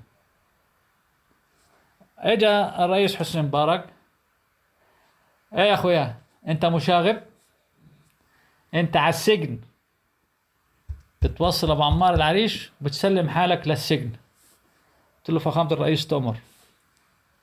قال لي اللي عملته إيه ده؟ إيه ده؟ أنت بتهبط بطيارة عسكرية طيارة مدنية فيها رئاس طيارة رئاسية تهبط في شارع؟ أنت خالفت كل البروتوكول وكل ال... كل المع... كل ال- الأنظمة الدولية. وأنا حسحب شهادتك أنت رخصتك مصرية حسحبها. قلت له فخامة الرئيس تؤمر. طب مين اللي أعطاني ال... هلا أنا داخليا مرتاح؟ طب مين اللي أعطى التعليمات؟ منه. يعني إحنا أنا مرتاح إنه أنا يعني بمازح ولا شيء. ولا بقول له قال له يا أبو عمار أنتو صدق رب العالمين لما قال أنتو شعب الجبارين. أنا متأكد ولا طيار في العالم بيعمل اللي عمله بيعملوه طيارينك. وأنتو شعب الجبارين. وإن شاء الله ربنا لا ينصركم. وسلمنا عليهم وقلنا باي باي. هذه قصة من القصص ال- الصغيرة يعني. غير غير الأرانب اللي ضربت في الطيارة غير العصافير اللي ضربت في الطيارة غير الحمام اللي ضرب في الطيارة غير رحلة الصين اللي هي رحلة معجزة. في مليون شغلة يعني مش قصص آه، نادرة مع أبو عمار. الله يرحمه. تفضل يا. في عندك أسئلة؟ بدي أرجع بدي أرجع ل- للفكرة أنت ضل حكيت لي في البداية باكثر من شكل إنه أنت كنت بدك تكون طيار مقاتل والتدريبات تبعتكم كانت على لعمليات انتحارية أو طيار انتحاري. نعم. ففي بمرحلة لاحقة بعدين صار التفكير بهليكوبتر. في حينها كانت هاي فكرة دارجة يعني أنتم فعليا ما كان ما كان لا بكون لا لا. للتاريخ مش صحح لأنك بتوثق أنت. الفكرة من البداية هي طيارين هليكوبتر انتحاريين يعملوا عمليات إنزال خلف خطوط العدو. وثم تطورت إلى عمليات طائرات مقاتلة كاميكاز تضرب وأنت وتتدمر الكاميكاز زي الطيارين اليابانيين. كلمة كاميكاز أخذت من الطيران الياباني لما ضربوا لما ضربوا مطار هاربر في الأمريكا والسفن الأمريكية. كان ينزل في طيارته يشك في طيارته ويدمر حالته. وإحنا هيك كان التدريب كطيارين مقاتلين لكن الأساس أسست القوة الجوية الفلسطينية على أساس طيارين هليكوبتر يعملوا عمليات إنزال خلف العدو أو ينزلوا ل في في مناكن خلف العدو. لأنه بدي احكي لك بدي أحكي لك حادثة أنت خلتني إحنا شاركنا أنا شاركت المحادثات في ايرز مشان إدخال الطيارتين الهليكوبتر لأنه حديث بجر حديث. باراك لما قعدنا في لما قعدنا في ايرز وهاي الإسرائيليين بيعرفوا والكل بيعرف أنا مش مش سر. لما قعدنا هلا هم إحنا رحت أنا والكابتن عمر وكان في لحظتها سلمان أبو حليب آه، مدير عام آه، مطار غزة وحبيبي وصديق عمري آه، اللي هو آه، العميد فايز زيدان. يعني هو من أكفأ. هو جاب العميد فايز زيدان تخرج من تل وجاب من العشرة الأوائل والملك حسين وداه بعثي على القاهرة ليعمل آه، مهندس design engineer. لا لا لا لا لا للطيارات فهو علي يعني. رحنا نفاوض الإسرائيليين. قالوا شو مطالبكم؟ قلنا لهم مطالبنا ندخل طيارتين الهليكوبتر قال ها سجلنا. غير هيك قالوا إحنا بس ندخل طيارتين الهليكوبتر قال لهم أنا يعني بدكم رابين يحبسني هذا براك اللي بيحكي بدكم رابين يحبسني بعطيكم مش موافق الآن. لازم أرجع لرابين وأنتم ترجعوا لقيادتكم قلنا له تمام. قال بس أنا بدي أسأل طيار الميج 21 اللي كان بده يقصف تل أبيب. وكان قاعد بحدنا. الطاولة الطاولة المفاوضات حوالي بين 50 إلى 60 متر طولها القاعه وكلها طاولات مرشومة بحد بعضها. ولا كرسي والله وللتاريخ والإسرائيليين يسمعوا. ولا كرسي من طرف طرفهم فاضي. حتى براك اجى اضطر يقعد عنا قال أنا مع الجانب الفلسطيني هذا لو اشتغلوا بعقل. البيئة المخابرات استخبارات موساد. نفس ناس علماء نفسيين مجندات نسوان جايبين نسوان آه، يعني مانيكانات. كل الظروف اللي اشتغلوا عليك نفسيا وعقليا وعلميا وادبيا كله بيشتغلوا هيك بيشتغلوا في مفاوضاتهم هدول. فاهم علي؟ ولا بقول لي أنا بدي اسال طيار الميج 21 قلت له تفضل. قال لي لو أنت مكاني بتسمح إنه أنا طب أهبط آه، طائرة الهليكوبتر وأخليها تطير من فوق سماء تل ابيب قلت له اسمع لك لك بالحرف. إذا أنت بدك أنا أحكي بعقليتك الأمنية البحتة أنت ما بتحكي معنا إلا أمن. أنت خايف من الهليكوبتر إنها تعمل هوفرنج توقف في محل تنزل واحد تحمل سلاح. يا عم إحنا في عملية سلام. إحنا حاملين رئيس. إحنا بدنا نحمل رئيس في عملية سلام. مش جايين نهرب سلاح ولا نعمل عمليات مالك؟ قال أنا بسمح لك تطير فوق تل أبيب بالميج 21 هلا ولا بسمح للهليكوبتر. عصب. لأنه الميج 21 minimum speed لها 340 كيلو متر يعني بأي صاروخ بضربك. بينما الهليكوبتر هاي هاي خطورة هو خايف إنها تعمل hovering تتخبى ورا تلي تنزل شيء تعمل شيء. قلت له يا عم إحنا هذه فيها طيار فيها رئيس ووفود وإحنا في عملية سلام. مش في عملية آه، قتال. وشو وشو اللي جابنا؟ تنقعد إحنا وياك على طاولة واحدة مش السلام. قال مزبوط خذنا أنا برجع لقيادته وأنتم رجعوا لقيادتكم ورجعوا لقيادتهم وأصروا إنه طيارتين أبو عمار يمشين غزي يمشين 40 متر 40 كيلو في العمق البحر. بعدين يأخذنا يمين محاذاة لشواطئ تل أبيب. وبعدين يردين يلفين يمين يجين على حاجز زعترة إذا بتسمع فيه حاجز زعترة فاهم علي من فوق حاجز زعترة إما يروحن على اليمين على على الشمال على نابلس وجنين أو على اليمين على رام الله والقدس وخليل. فإجت طائرتين هليكوبتر إسرائيليات أهل الضفة بيعرفوا هذا والناس بتعرف إنه الطائرتين مرافقة واحدة قدام وواحده ورا. ظلين لاحقتنا فهم استهلكوا. طياراتهم طيارينهم ووقودهم. اجوا قالوا يا عمي هاي مش موفي معنا الشغل تعالوا من المفاوضات. قلنا نعم شو بدكم؟ قال إحنا مش حنسمح للطيارين الفلسطينيين لحالهم يطيروا في الطيارات الهليكوبتر. ولا شو بدك؟ أبو علي أبو علي معلش خليني أقاطعك. أنت عم تحكي إنه آه، لما سمحوا لكم تمشوا بالهليكوبتر كان في مرافقة مرافقة معكم هليكوبترات تنتين. نعم. من أي سنة لأي سنة هذا الحكي عم تحكي؟ 96 97 أوكي. اول اول وال 96 في البداية ال 96 آه، كان أبو عمار يطير في طيارتين مصريات. طيارتين مصريات طيارين. مصريين لأنهم كانوا موقعين اتفاقية مع الإسرائيليين.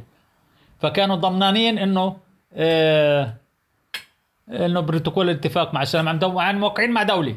يعني إحنا مش معتبريننا اي شيء على رأيك متعب معتبريننا مشاغبين ولا زوران ولا أي شيء.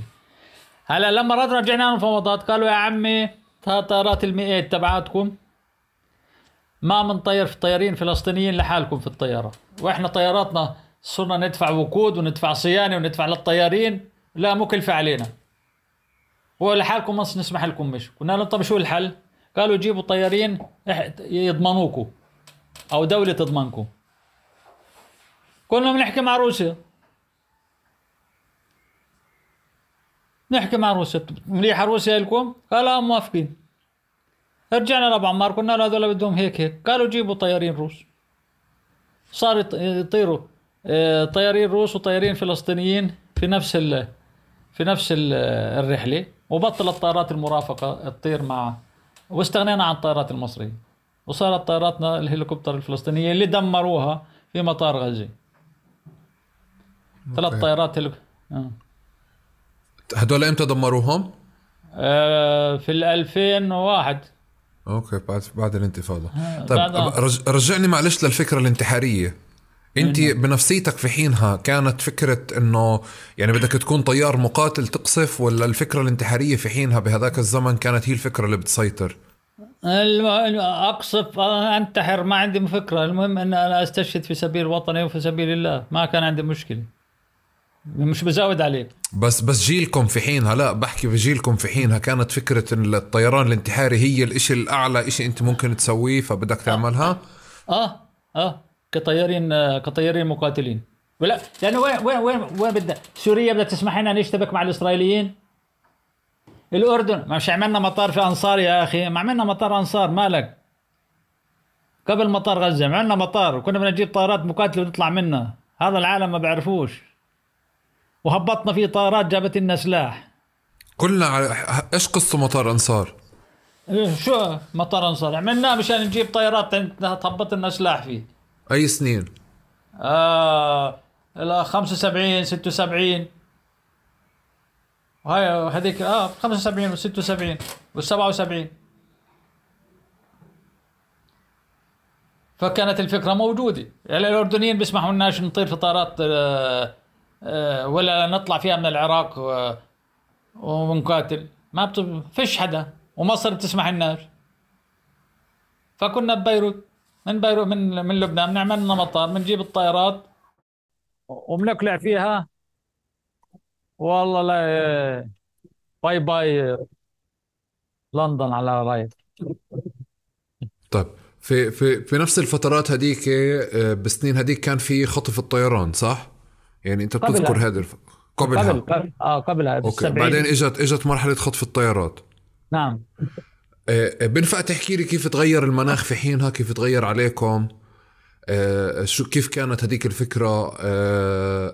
انتقلتوا من مرحلة مثلا أثرت على تفكيركم بقضية التفكير طيران الانتحار أو الطيران الانتحاري. هل صار في أي تغيير أنت كطيار في حينها؟ لا بالعكس إحنا أصلا الجبهة اللي قامت في اللي قام في عمليات الاختطاف كثير اللي هم الجبهة الشعبية م. وهبطت في, في الأردن و... فاهم علي؟ بالعكس زادت لنا زادت معنوياتنا وإحنا يعني جاهزين ما ما كنا نفكر يا أخي ما جيلنا كان مؤمن بعدالة قضيتنا وبشعبنا وبوطنيتنا يعني أنا على, على الآخر التحليلات اللي بتحاول توصلها والتفكير إحنا كنا ذاتيا 99% قابلين إنه نستشهد. فهمت كيف؟ بس بدك مين يحركك يوصلك للبورة اللي أنت بدك إياها؟ أنا وغيري وكل وكل المقاتلين اللي كانوا موجودين. طيب. انت انت تلقيت تلقيت ساعات كثير التدريب واستثمار كبير. إمتى حسيت حالك فعليا اتجاه قضية فلسطين وعندك انتماء عالي؟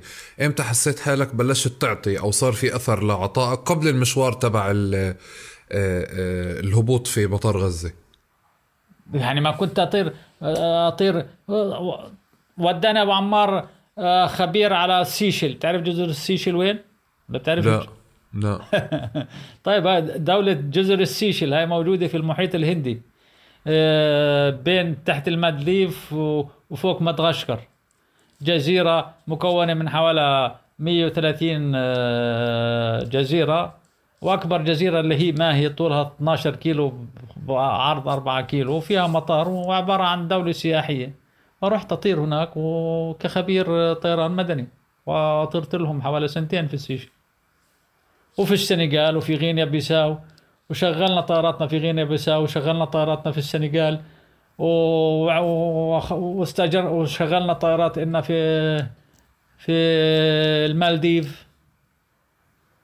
يعني كانت كانت الع... يا أخي الشعب الفلسطيني حلمه الطيران. لأنه محروم منه. بجد يعني كل كل الشعب لحد الآن هلا بتيجي بتسأل بقول لك نفسي ادرس طيار نفسي ادرس مهندس طيران. ما هو الناس قاعدة ما فيش شغل.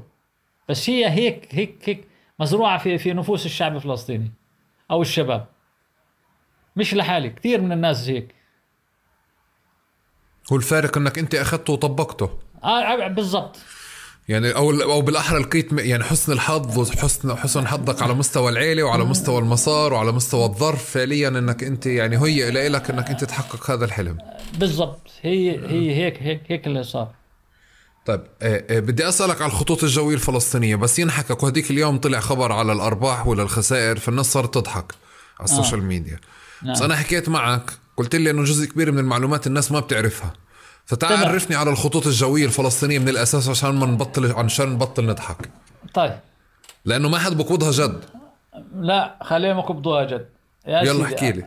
الخطوط الجوية بعد بعد تكوين مطار غزه أو الهبوط في مطار غزه تم افتتاح مطار غزه رسميا في 98 في 24 و 11 98 تمام؟ اجى الرئيس الأمريكي كلينتون وافتتح المطار وأنا آخر طيار هبطت في المطار لأنه سمحنا للدول العربية آه، المغرب ومصر وكل الدول وليبيا يعني كل الدول اللي إجت شاركت والأردن واللي إجوا شاركونا والإسبان وكثير ناس إجت آه، آه، طيارات وقطر كثير من الدول موجود الفيديو. هاي فإحنا بدأنا نتوجه من قوة جوية 14 مقاتلين إلى سلطة سلطة طيران مدني. وشرطة جوية سمونا الشرطة الجوية والشرطة البحرية الإسرائيليين. تمام؟ وإحنا من بنود أوسلو. في شرطة بحرية مش قوه بحرية. في شرطة مزبوط في شرطة فلسطينية. وإحنا ما كناش فاهمين أبو علي شو الشرطة البحرية بتعمل. كانوا لابسين مبركع في البلد يعني بس ما كناش نعرف شو بيعملوا. حتى قاعدين في المقرات في طول كرم ولا في بحر ولا في إشي فكانوا نكتة حتى. آه فاهم علي؟ ده بالعكس والله شباب بحرية جدعان عملوا مليون لا هم أربعة. ال- ال- الإشي مش انتقاص منهم بس آه، بقول لك آه، فكرة آه. المصطلح البحري وإنهم ما آه. بيعملوش أي مهام آه مزبوط هلا هو لا في بح... في غزة كانوا يعملوا مهم ولا ماله في طول بحر كرم شو بدهم يساووا أبو علي ما هو هاد طول كريم إمتى؟ بعد ما بعد ما صار دمروا المطار ودمروا دمروا غزة وروحونا من هناك بس في البداية كان كانوا قاعدين في المينا وعندهم طيارات ولا كيف وكيف العكاوي آه جاب آه باخرة كرن إيه اللي انمسك فيها آه فؤاد الشوبكي؟ بس بس الشرطة البحرية كانت ما قبل الانتفاضة الثانية موجودة. كانت بال أبا- 98 و97 كانت مسمى شرطة بحرية. مسمى. مسمى. كان يجند فتحي البحرية الله يرحمه فتحي سلبد. كان يجند ناس فاهم علي؟ تحت مسمى الشرطة البحرية. نعم كانت موجودة بس هذول كان كلهم جهاز خارجين. أمني. آه كان جهاز أمني موجود قوته في غزة بس موجود كان في موجود في آه, الضفة. آه, آه نعم نعم. طب الشرطة الجوية وين كانت؟ أنا أول ما أول مرة بسمع منك عنها هلا. الشرطة الجوية إحنا كنا في غزة. ما كان في الضفة في منها. لا انتقلت للضفة بعد بعد الدمار والخراب انتقلت للضفة ولحد الآن الشرطة الجوية موجودة. أحد أحد فروع الأمن الوطني. بالإضافة إلى وفي حينها كانت تابعة للأمن الوطني؟ لا إحنا أخذنا استقلاليتنا. لما استلم أخونا أبو مازن الرئاسي آه، فصل ضم الخطوط الجوية الفلسطينية وسلطة الطيران المدني لوزارة النقل والمواصلات الأرد- الفلسطينية. فكنت أنا تابع لوزارة النقل والمواصلات الفلسطينية. والشرطة صارت تابعة للأمن الوطني؟ والشرطة تابعة للأمن الوطني. طيب أوكي هسه فهمت. ارجع لي معلش أغلبك كمل لي قصه الخطوط الجوية الفلسطينية. صار في شرطة جوية. هلا فإحنا رفضنا كلمة شرطة جوية. شو قلنا؟ خطوط جوية فلسطينية. وسلطة طيران مدني عملنا مبنى لسلطة الطيران المدني. ودينا كادر دربناه في المغرب وفي مصر وفي كل العالم. وصار عندنا آه كادر لسلطة الطيران المدني. وهذا الكادر لأنه عندك مطار ب- بيتبعوا موظفين من من من الحلاق لشوفير البولدوزر أو لشوفير التاكسي للي بشو هاي كل الأمور تابعة لسلطة الطيران المدني والخ- والخطوط الجوية الفلسطينية. باختصار الأخونا فايز زيدان أصر كان هو رئيس خطوط رئيس آه، سلطة الطيران المدني ومدير عام الخطوط الجوية الفلسطينية. فعمل خطوط جوية فلسطينية. وإجانا طيارتين فوكر من آه، هدية من آه، من الهولنديين. لأنه في في اتفاقية أوسلو وهاي أنا هاجمتها على تلفزيون فلسطين وكنت بدي انحبس أنا لأني ما وضحت. قلت اللي وقعوا على اتفاقية أوسلو أخطأوا. لأنه استفزني المذيع. ولكن أنا أقول اللي أقنع أبو عمار في القبول في طائرتين الهلو... في طائرتين الفوكر فاهم علي؟ آه كان مخطئ. ورحت لأبو عمار أنا. رحت له. ورفضت أسلمه ال logbook تبعنا و... و... وشهاداتنا. ورفضت أسلمه كل شيء مشان يعطونا للإسرائيليين. قلت له إحنا يا عمي آه، في في في أي جزء في بنطير فيه ال logbook تبعنا هو تاريخي. في كم ساعة ضربت وكم ساعة طرت وكم ساعة وكم ساعة بحطوه في في داخل صندوق وأحمر وبحطوا عليه شمع أحمر. أروح أسلمهم إياه ببلاش. وعلى ليش؟ لأنه أنا كنت أطير في السيشل مش على مطار كنت أطير أهبط في الجزر على على على airfield بسموه اللي هو يعني مش airport فاهم علي؟ بتجيب مدحلة وبترصها وبتهبط فيها.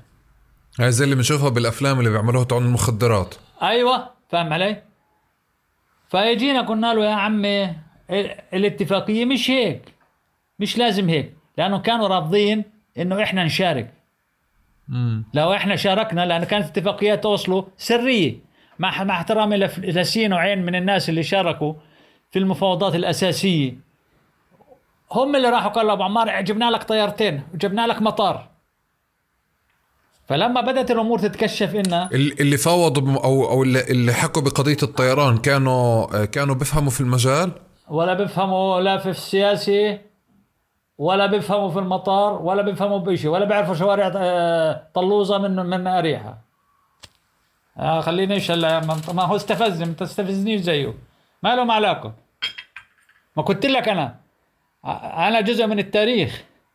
قلت لك لما قعدنا مع الإسرائيليين جابوا حوالي 200 واحد 300 واحد يفاوضوك. حتى حطوا لك نسوان مشلحات تغرينك. إحنا راح واحد يفاوض آه اثنين ثلاثة راحوا يفاوضوا على الخطوط وعلى الطيران وعلى البحرية وعلى أبو العلم. هم العلماء وهم علماء الضرر. وهي هاي نتيجة اتفاقية أوسلو يعني بدك تودينا على الحبس أنت؟ لا مش ناوي. أنا بدي لا، لا. ب- بدي. بجرب أنا أسأل. ملناش إحنا بالآخر بس بنسوي تقارب. كلهم يا عم إحنا كنا بس بنتقارب. هاي تلفزيون فلسطين موجود. وشو اسمه هذا تبع جنين حسن أبو الرب. فعيت فيه نفس الشيء قلت له اللي وقع على أوسلو أخطأ. أنا ما خدتش في التفاصيل لأنه وقته ضيق والمخرج كل ساعة يحكي في في ذني فلاقنا أبو عمار في قبول طيارتين. وهالطيارتين لاعضاء السلطة الوطنية. يعني للقيادة الطيارتين. مش للشعب. فلما إحنا قعدنا مع أبو عمار وذبحنا إحنا وياه فاهم علي؟ يعني أنا بح... أنا مدلل عند أبو عمار بحكي لك فاهم علي؟ مدلل يعني كان زي زي ولادته. فكنت جريء بالحكي معاه. فاهم علي؟ و... وأدب له دب الكلام. ما كان يعني خلص تعودت عليه. عارف علي؟ فكنا وقلنا أبو عمار هذا الحكي مرفوض. لازم يكون عندنا مطار وطيارات وكان كانوا رافضين بدهم يدخلونا على على أنا أنا أنا أنا اللي قدامك. لما كنت في الأردن نزلت في الأردن كان معي 70 80 واحد مشان أدخلهم على فلسطين. الله يرحمه زاد الاطرش جاب لنا موافقة عن طريق فايز زيدان بالسكت. فاهم علي؟ كان أبو عمار همه يدخل أو اللي مع اللي كانوا يروحوا لأبو عمار. كان همهم يدخلوا المقاتلين.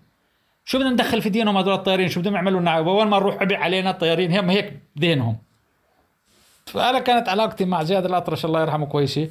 ومع أسد بغداد الملحق العسكري في عمان كويسة. فاهم علي قال لي عزيز. قلت له نعم. أنا في اسم على صعيد الحركي معروف باسم كابتن عزيز. عزيز زياد هاي- إيش؟ عزيز لأنه لما في الكلية. فاهم علي اسمي زياد علي عزيز. ما بعرفوش يحكوا زياد الباكستانيين. فاختاروا يا كلمة عزيز أو علي فاسمة علي كثير عندهم فقالوا عزيز. أسهل إشي. فصار ضل الاسم الحركي تبعك كابتن عزيز. أيوة على طول. المهم فقلت له أسد هذول ما صدقت لملمهم كل الدنيا ومنزلهم في أوتيلات لأن أنا كنت مدير العمليات. وين أروح في دينهم؟ قال أبو عمار ودى برقية آه، كله قلت له اعمل حالك مش شايفها. وحطيت الشباب اللي جبته من لبنان واللي جبته من دمشق واللي جبته من من من ليبيا واللي جبته من مصر واللي جبته من اليمن. لملمته ونزلنا فاهم علي؟ لو على أحكي لك. آه، اجى أسد بغداد بقول أنا لبست عسكري. أنا عنيد. بقول لك عنيد مشاغب لبست عسكري. اجى أسد بغداد. والله العظيم أنت شو بدك تعمل لي مشكلة؟ إحنا كاتبين طيارين مدينة قلت له يا أخي شو طيارين مدينة؟ لا, طيب وين رايح؟ أنا ما مش رايح أسلمهم حالي. قال إلا تشلح البدلة. قلت له بشلحش البدلة. ها هاي الرتب القميص الأبيض وهاي الطاقية حتى. طيب مبسوط هيك يا حبيبي؟ قال مبسوط. لما وصلنا على الجسر رجعت الرتب ورجعت الطاقية ونزلت. فاهم علي؟ والله إنهم الإسرائيليين أدوا التحية. ودخلنا. أبو عمار آه، ودوا له برقية إنه إحنا وصل 70 طيار وعلى راسهم الكابتن عزيز.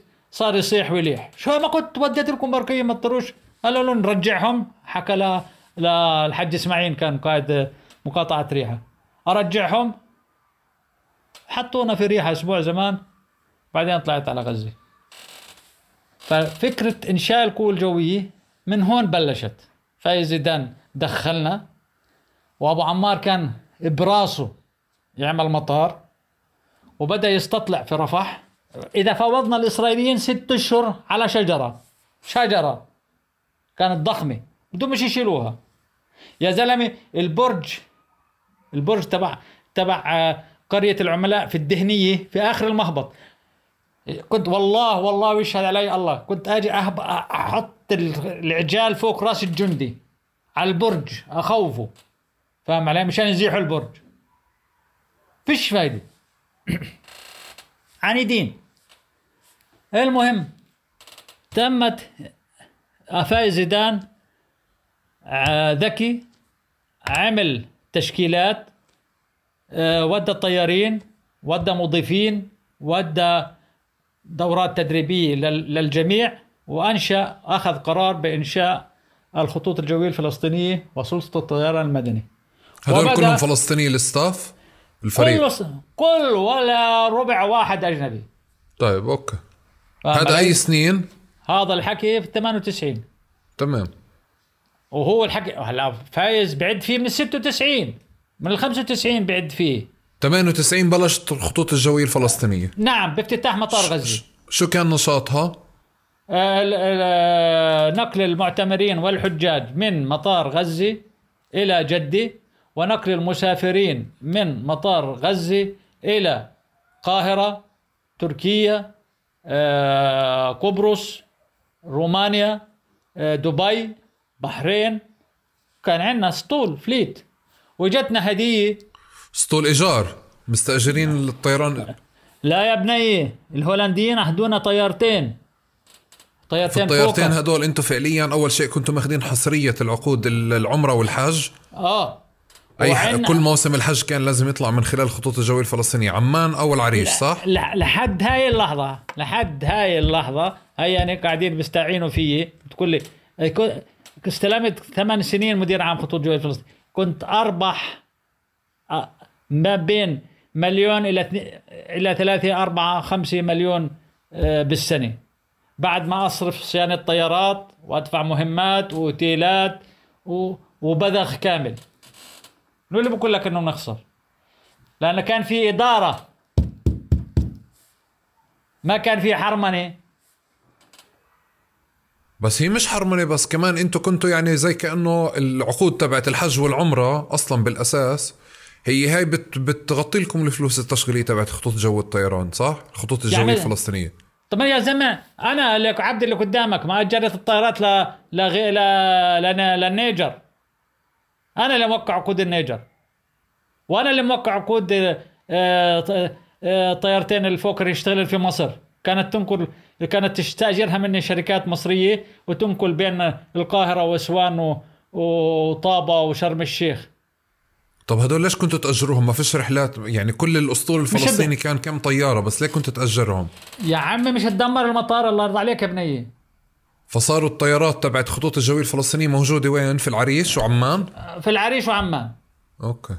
فاهم علي؟ هلا استلمت إدارة موقع استلمت إدارة ما كانت يعني آه، عندها الخبرة الكافية وقعدت الطيارات والطيارين. أنا جيت فاهم علي؟ آه نفخت الروح في في الشباب وعدت تأهيلهم. وعملت صيانة للطيارات وأجرت الطيارات. للمصريين وعملت مواسم حج. أربع خمس مواسم ولا, ولا ست مواسم حج. بتعرف تتذكر سنتين آه، كان أهل غزة ما يطلعوش على الحج إذا ذاكر. ل 2000 و آه. فهذول دفعة واحدة دفعة واحدة إجاني حوالي 9000 حاج. الدكتور سعد الكرونز فاهم علي؟ وزير النقل والمواصلات والله ما في بيني وبينه معرفة. فاجا قال لك يا عمي طب وينه هذا طيار ياسر عرفات؟ العالم بتشيد فيه وبكفاءته وينه هذا؟ كنت أنا بالصدفة بعمان أبصر شو بعمل. ولا اتصل فيه. بقول له مين حضرتك؟ بقول لي أنا وزير النقل والمواصلات الفلسطيني. قلت له تشرفت بحضرتك نعم. قال أنت عسكري؟ قلت له أنت أنت وزير؟ مش يعني مش عارفه بصراحة. قال لي أنا الوزير سعد سعد الكرونز. وبحكي معك رسميا. أنت عسكري؟ قلت له نعم أنا عسكري. أنا كنت عميد أيامها. قال لي قلت له عميد قال لي على رأس عملك؟ قلت له على رأس عملي. قال لي بتأخذ مصاري من السلطة؟ قلت له آه بأخذ مصاري من السلطة. قال لي بعد ربع ساعة بيجيك قرار تعيين كمدير عام للخطوط الجوية الفلسطينية. بدك تشتغل. قلت له طبعا قال لي فيش تفكير. عندي موسم حج عندي 9000 حاج. وما حدا بيقدر يدير ما حدا بيقدر يشيل الطابق هذا إلا أنت. انت, قال لي أنت في حينها كان عندك أي خبرة إدارية؟ ليش؟ ولا مالي؟ بسأل. لا في حينها لحينها. سابقا بل... أنت فعليا كنت طيار طيار عسكري وطيار مدني. طيب وبعدين آه وطيرت ال... وكنت مدير عمليات. مدير عمليات الخطوط الجوية الفلسطينية كلها أو أو القوى الجوية. وبعدين طيرت الرئاسي طيارتين الرئاسي أنا كنت مسؤول عنهن ال connection مع كل العالم آه. قعدت ثمان سنين كمدير للخطوط الجوية الفلسطينية ورئيسا لسلطة الطيران المدني وبحكي لك شو عملت في كندا كمان شوي إذا معك وقت بحكي لك شو عملت احكي لي احكي لي أول احكي لي معلش أول شيء أهمية بالثمان سنين هدول الخطوط الجوية الفلسطينية شو كان نشاطها في عهدك؟ في عهدي. آه اشتغلت عمان العريش وهذا شوف السي ان ان شوف آه الهولنديين شو كتبوا شوف الألمان شو كتبوا كله موجود على الفيسبوك تبعي. شغلت أحييت مطار العريش عمان. صاروا ال passengers يجوا من من من رفح أجيبهم على العريش والعريش أخذهم على عمان أو على القاهرة. تمام؟ واللي, بده يتعالج واللي بده يعني اشتغلت. وبعدين عملت عمرة في الطائرات وعملت حج في الطائرات ومشان آه، كثافة العدد ومحدودية الزمن. فاستأجرت كنت أستأجر طائرات كنت أستأجر أربع طائرات وخمس طائرات. استأجرت من الأردن ثلاث مرات استأجرت من مصر ثلاث مرات. وأيام غزة استأجر العميد فايز زيدان. كان عندنا طيارة الوليد بن طلال تنساش اللي أهداها لأبو عمار بوينغ 700 هي كانت أنا طلعت عملت حج فيها. طيارة ال آه، طيارة البوينغ. طلعت ك passenger يعني. أخذت طب أنت في وقتك الخطوط الجوية الفلسطينية كم طيارة كان عندها؟ ثنتين. ثنتين. آه الفوكرات الثنتين. طب بتحكي لي إنه كان في كمان طيارة للوليد بن طلال كان في كمان طيارة بتذكر لي طيارات تانية. هدول كانوا ضمن الخطوط الجوية الفلسطينية ولا شيء ثاني يعني؟ لا ضمن الخطوط ضمن الخطوط الجوية الفلسطينية. يعني كانوا أكثر من تنتين صح؟ آه، كان عندي آه كان, كان عندنا الداش 8 طائرات الداش 8 اشتريناها من كندا. أربع طائرات. يعني لحد 2016 إحنا كم طيارة كان عندنا الخطوط الجوية الفلسطينية تملك؟ هلا هلا السنة علي. آه، شوي شوي. لحد 2006 لحد 2016 ضل عندي طيارتين الفوكر. طائرة البوينغ قديمة. واللي أهدانا إياها خليه يسمعني الوليد بن طلال. الوليد بن طلال كان بده يهدينا طيارة حديثة. تليق في مطار غزة وياسر عرفات. كانت تكلفتها عالية جدا. فمستشارينه واحد العرصات خليها تسجل علي. اقنعوا يهدينا طيارة البوينغ 727 المهترئة. كانت موجودة في لندن. وشراها كنا ب 750 ألف دولار ولا 1000 دولار وإحنا دفعنا عليها 4 مليون تطارة وهاي آه، محركاتها مزعجة. فهمت كيف؟ هاي محركاتها محركاتها جدا مزعجة. فعملنا لها سسبندد وبعتها في عمان. هذاك بعدها موجودة في مطار عمان. وطائرات وطائرات الداش 8 أحد المتنفذين أخذهن مني وباعهن في كندا. وطائرة التشالنجر 604 اللي عملت عليها كمان دورة كمان باعها. شو يعني أحد المتنفذين بالخطوط الجوية الفلسطينية؟ لا حبيبي الخطوط الجوية الفلسطينية ما وصلوش للمرحلة هاي. ما وصلوش للمرحلة هاي. اتخاذ يعني. في كمان كمان خطوط الجوية الفلسطينية حتى الأملاك تبعتها أو أو أو شو بتملك وحركتها أنت ما كنتش يعني تقدر لا لا لا لا لا لا لا. كان حطيت مراقبين. أول كلمة حكيتها مع الدكتور سعدي وهي اسمعني قلت له بتودي لي ثلاثة. ثلاثة. م- ثلاثة من وزارة المالية مشان أسكر الأفواه. أنا ما بحمل فلوس ولا ب... ب... آه بأخذ فلوس. بدي ثلاثة محاسبين اللي يحاسبوا. أنا بوقع الاتفاقيات. أنا اللي بشرف على كل الأمور الفنية. بوجودهم وماليا هم بيحاسبوا. طيب ب- بيع الطيارات بندرج تحت فكرة اللي هو آه، بسنين اللي صار في تنظيم للسلطة وأملاكها والأسيتس تبعتها والأصول تبعتها؟ لا أنا اتخذت القرار لأنه أرضية عليها صار في أرضية في مطار عمان 240 ألف دينار. لأنه مطار عمان تأمم اخذوا أخذوه الفرنسيين. كانوا الاردنيين كانوا الأردنيين مشكورين يسامحونا في الأرضية. فلما استلموا الفرنسيين طلبوا أرضية مطار 240 ألف دينار. منين أجيب لهم 240 دولار؟ الف 240 لطيارة واحدة؟ نعم ولا مالك يا زلمة. you are talking طب about. والط- والطيارات الثانية فعليا هدول ليش انباعوا؟ هذولاك آه. انباعوا لأنه بقول لك مطار غزة راح وشو بدنا فيهم؟ تكلفتهم وصيانتهم وأرضيتهم. و و و و طيب. ما اتجه ما يعني لم يتجه إلى إنه أجرهم. امم فعمل صفقة أخذ له كم مليون وباع انت بدك تودينا على السجن خلص. بدك ترد ترجعنا لا أنا مش. نا. أنا قلت لك تقارب. أنا مش قاعد بقول لك مع مين لمين بعتهن إحنا بالراحة قاعدين. لا طيب. هم من اللي بينباعوا أنا بعت البوينغ بلجنة من وزارة المالية ووزارة ال- الحج والأوقاف ووزارة آه، آه، النقل والمواصلات واني كمان وزارة. أربع وزارات. جبت أربع مندوبين من كل من كل وزارة و وعملنا آه، ومن رئاسة الوزراء. وأخذنا سك من سلام فياض بالموافقة على بيع الطياره للخلاص من أرضية المطار تبعها. وبعناها بالمزاد العلني للي كان بده يعملها مطعم. طيب الخطوط الجوية الفلسطينية اليوم شو بتساوي بالحياة؟ الخطوط الفلسطينية لما صارت كورونا مورونا هاي امم كانت الطائرات مؤجرة على العقد اللي أنا وقعته في النيجر. وظلت تطير إلى مرحلة الكورونا. فاهم علي؟ آه، أو صار في بدهن صيانة والوزراء اللي اجوا مع احترامي الشديد لهم يا دوب يعرف سيارته. فاهم علي؟ ما عنده الخبرة ولا الكفاءة.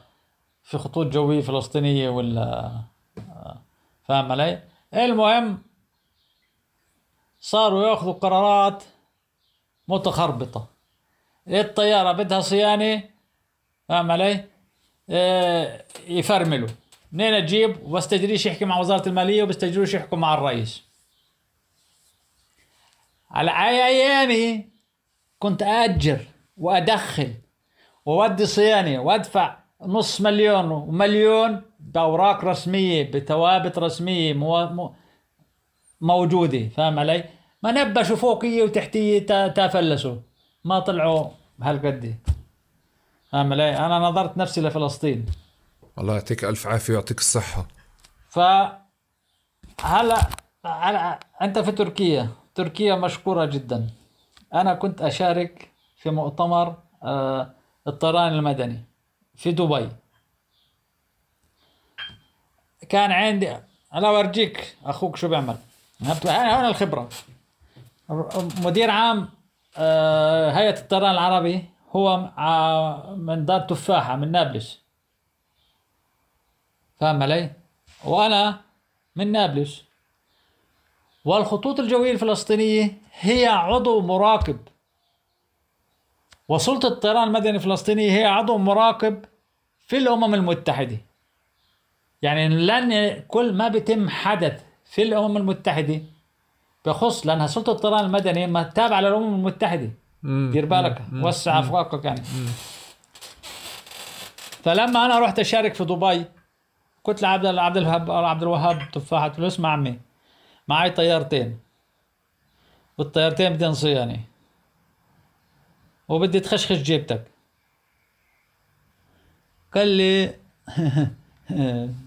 أنت في دبي والشركات العربية كلها موجودة. أنا قاعد بحد مدير شركة الطيران العربية بتسمع فيها؟ مم. آه، الموجودة هناك. المهم بدأ الحكي في المليارات. اللي بده لون واللي بده إعادة شراء طائرات مليارات. أنت تحكي في, في, في لما تحكي aviation تحكي مليارات تحكيش آه، أو بتحكي ب billions of dollars هلا عبد الوهاب التفاحة قال لي إيه إيه تطلب الحكي وأنا بمنعك. بس بتشاغب على على العلن بحكي. أنا ممنوع أحكي أنا. حكى تبع العربية وحكى تبع القطرية. رفعت إيدي. بقول لي آه، كابتن آه، زياد البدا أنت خطوط جوية فلسطينية؟ قلت له نعم. قال أنت ممنوع الحكي. قلت له يا أخي ليش هو الحكي عليه رقابة يعني؟ لا بدي أحكي. تشاور هو اللي عليه. شافني ب... يعني ب... ب... بهمجيه يعني. بحكي. تشاور هو اللي قال له خليه يحكي. قلت لهم أنا يعني أول شيء شاكر لكم شاكر للحضور. وفي التركيين موجودين الأتراك موجودين. وهي جيت على تركيا ضيفا عزيزا مكرما. عند مدير عام الخطوط الجوية التركية الدكتور. فاهم علي؟ قلت لهم يعني أنا عم بسمع ذاني بطلت تستحمل المليارات اللي انحكت. مش قادر أستوعب. يا عمي أنا عندي طيارتين. هذول الطيارتين بنقلن الجرحى والمرضى وطيارتين مش ربحيات.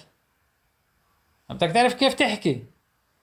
وأنا بتمنى على هيئة الطيران العربي إنها تساعدني في صيانة الطيارات هي تروح توقع اتفاقية مع الهولنديين وتعمل لي صيانة للطيارات ومشان إن أنا أستمر في نقل ال- الجرحى والمرضى. مشان هيك أنا كنت أخذ العلاقات الشخصية مع رئيس سلطة الطيران المدني الأردني اللي قبله واللي بعده فاهم علي؟ لأنهم كانوا طيارين مقاتلين ويعني وكنا نلتقي في عدة مناسبات. فكنت تحت بند خدمات إنسانية واجتماعية نهرب من موضوع ال parking وال landing وال handling أمام الفرنسيين؟ مم. بدك تحكر. أنا مدرسة ياسر عرفات بدك تحرك راسك. فكنت أكتب لهم كتب إنه هاي الطائرات تنقل جرحى ومرضى وليست ربحية معيش مصاري. ومعاناة الشعب الفلسطيني ومن هذا ال- الكلام. فكانوا يسمحوا لي كانوا يسمحوا لي أهبط هناك. لا لا لا بس لازم تسمع مشان تركيا. هذا يشاد لل- للأخوان الأتراك.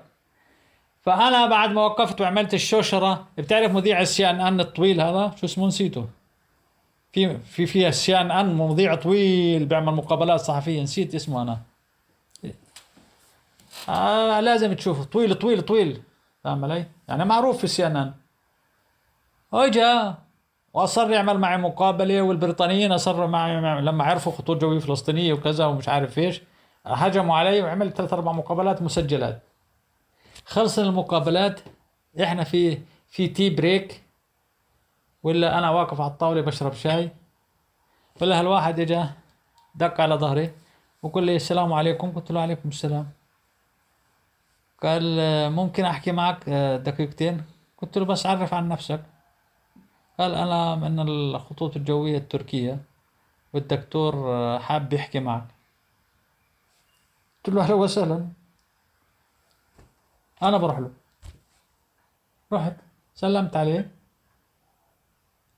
قال لي أنا سمعت مشكلتك ودرستها وحقيقة تأثرت في وضع الخطوط الجوية الفلسطينية.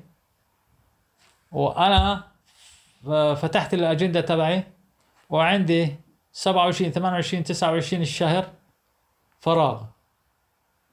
بستوعبك في ضيافتي أنت ومن تشاء. في في إسطنبول.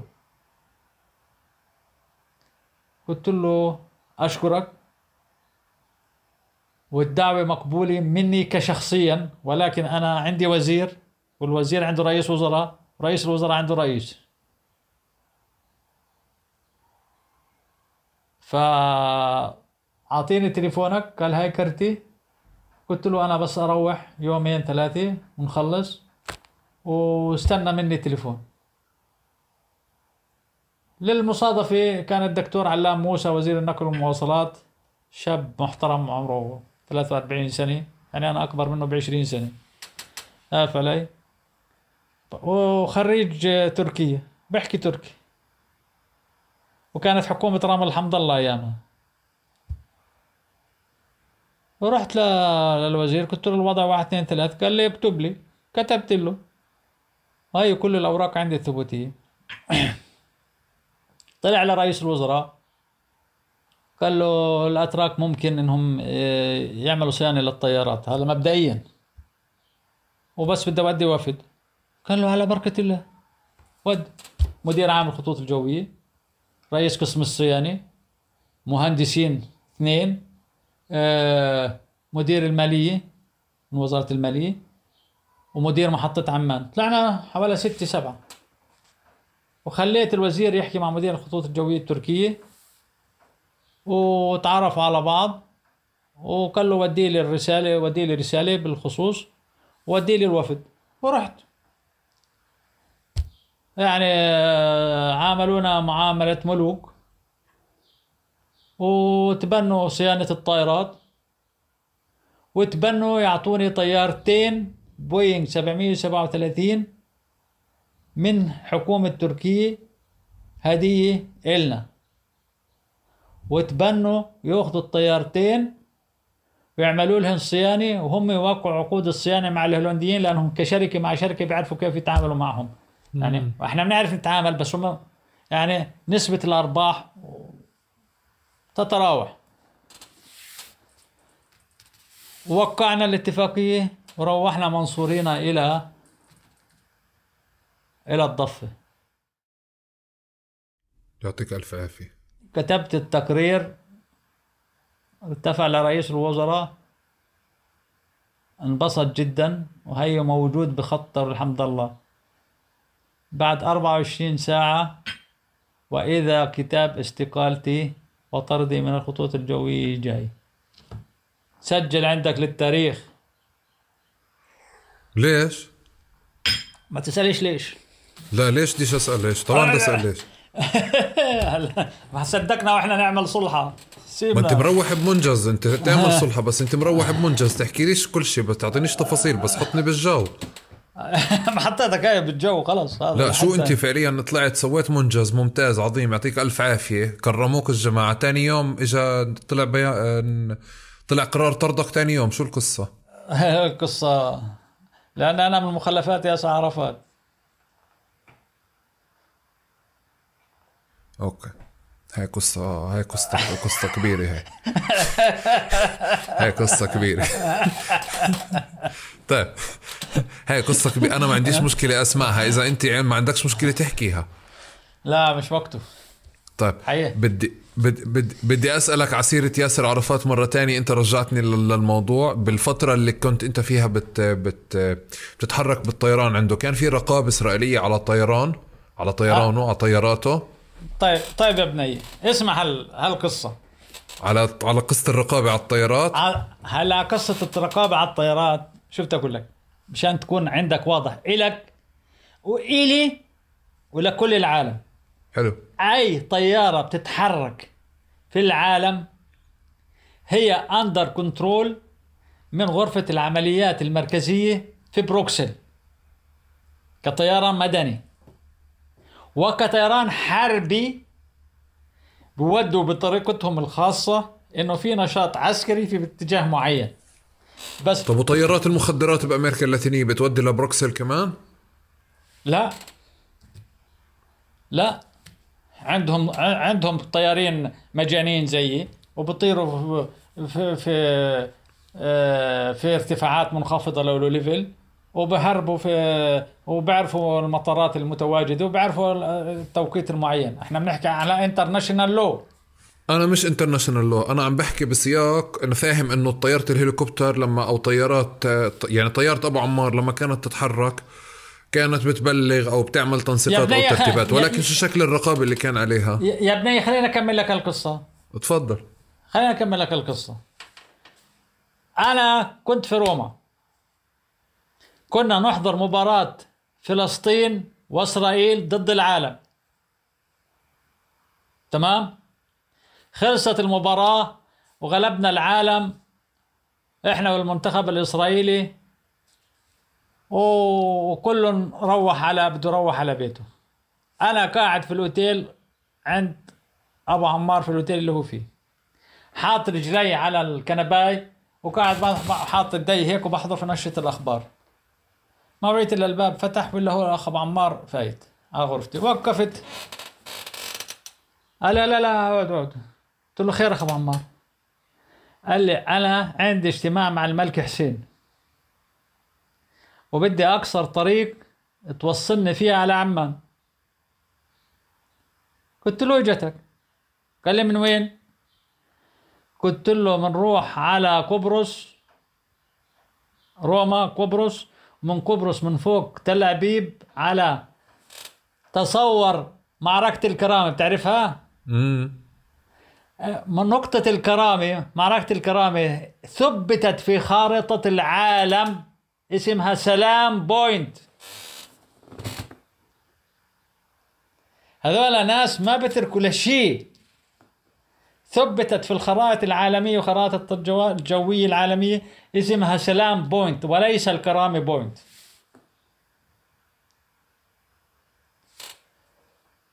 قال لي طب شو المطلوب؟ قلت له المطلوب مني أنا في اتفاقية بين الأردن وإسرائيل إنهم يعبروا من فوق أجواء بعض. قال صح. قلت له أنا بودي ال flight plan. إذا جتني موافقة لأنها طيارتك okay؟ ما جتنيش بقول لك لا. وأنت؟ احكي مع غزة خليهم يحكوا مع الارتباط العسكري والمدني يحكوا مع الإسرائيليين إنه إحنا بدنا نهبط من نطلع من فوق تل أبيب. أنا وديت لي flight plan عن طريق البروتوكول بخمس دقائق إجاني الرد خلال خمس دقائق clear قلت له عمار أنا clear قال لي اعطينا عشر دقائق إجا clear طيب. رفعت التليفون. حكيت مع البيت هون في نابلس. حكيت مع مرتي قلت لها الساعة 11 بالليل بتطلع على ظهر الدار وبتأخذ الأولاد بدي أمر من فوق الدار. قالت لي برد قلت لها اطلعي بدي الساعة 11 بالضبط بكون فوق الدار. قالت لي شو بعرفك؟ قلت لها أنا بضوي لك الطيارة. قالت طيب. طلعنا. روما لارنكا لارنكا overhead تل ابيب تل ابيب أهلا وسهلا. وصاروا يرحبوا ويهللوا ويزمروا ويطبلوا فاهم علي؟ ويعني واعطوني اللي ما ما قصروا. آه كبر راسي. قلت طبعا ما بدك تشوف القدس. قال حذفت الطيارة أربع درجات على اليمين وأنا جاي من البحر. على يميني بكون. ورجيت القدس وهي مضاءة بالليل. إذا الرادار الإسرائيلي بيقول لي لو سمحت أنت out of track خارج عن ال track أربع درجات ارجع لل track تبعك.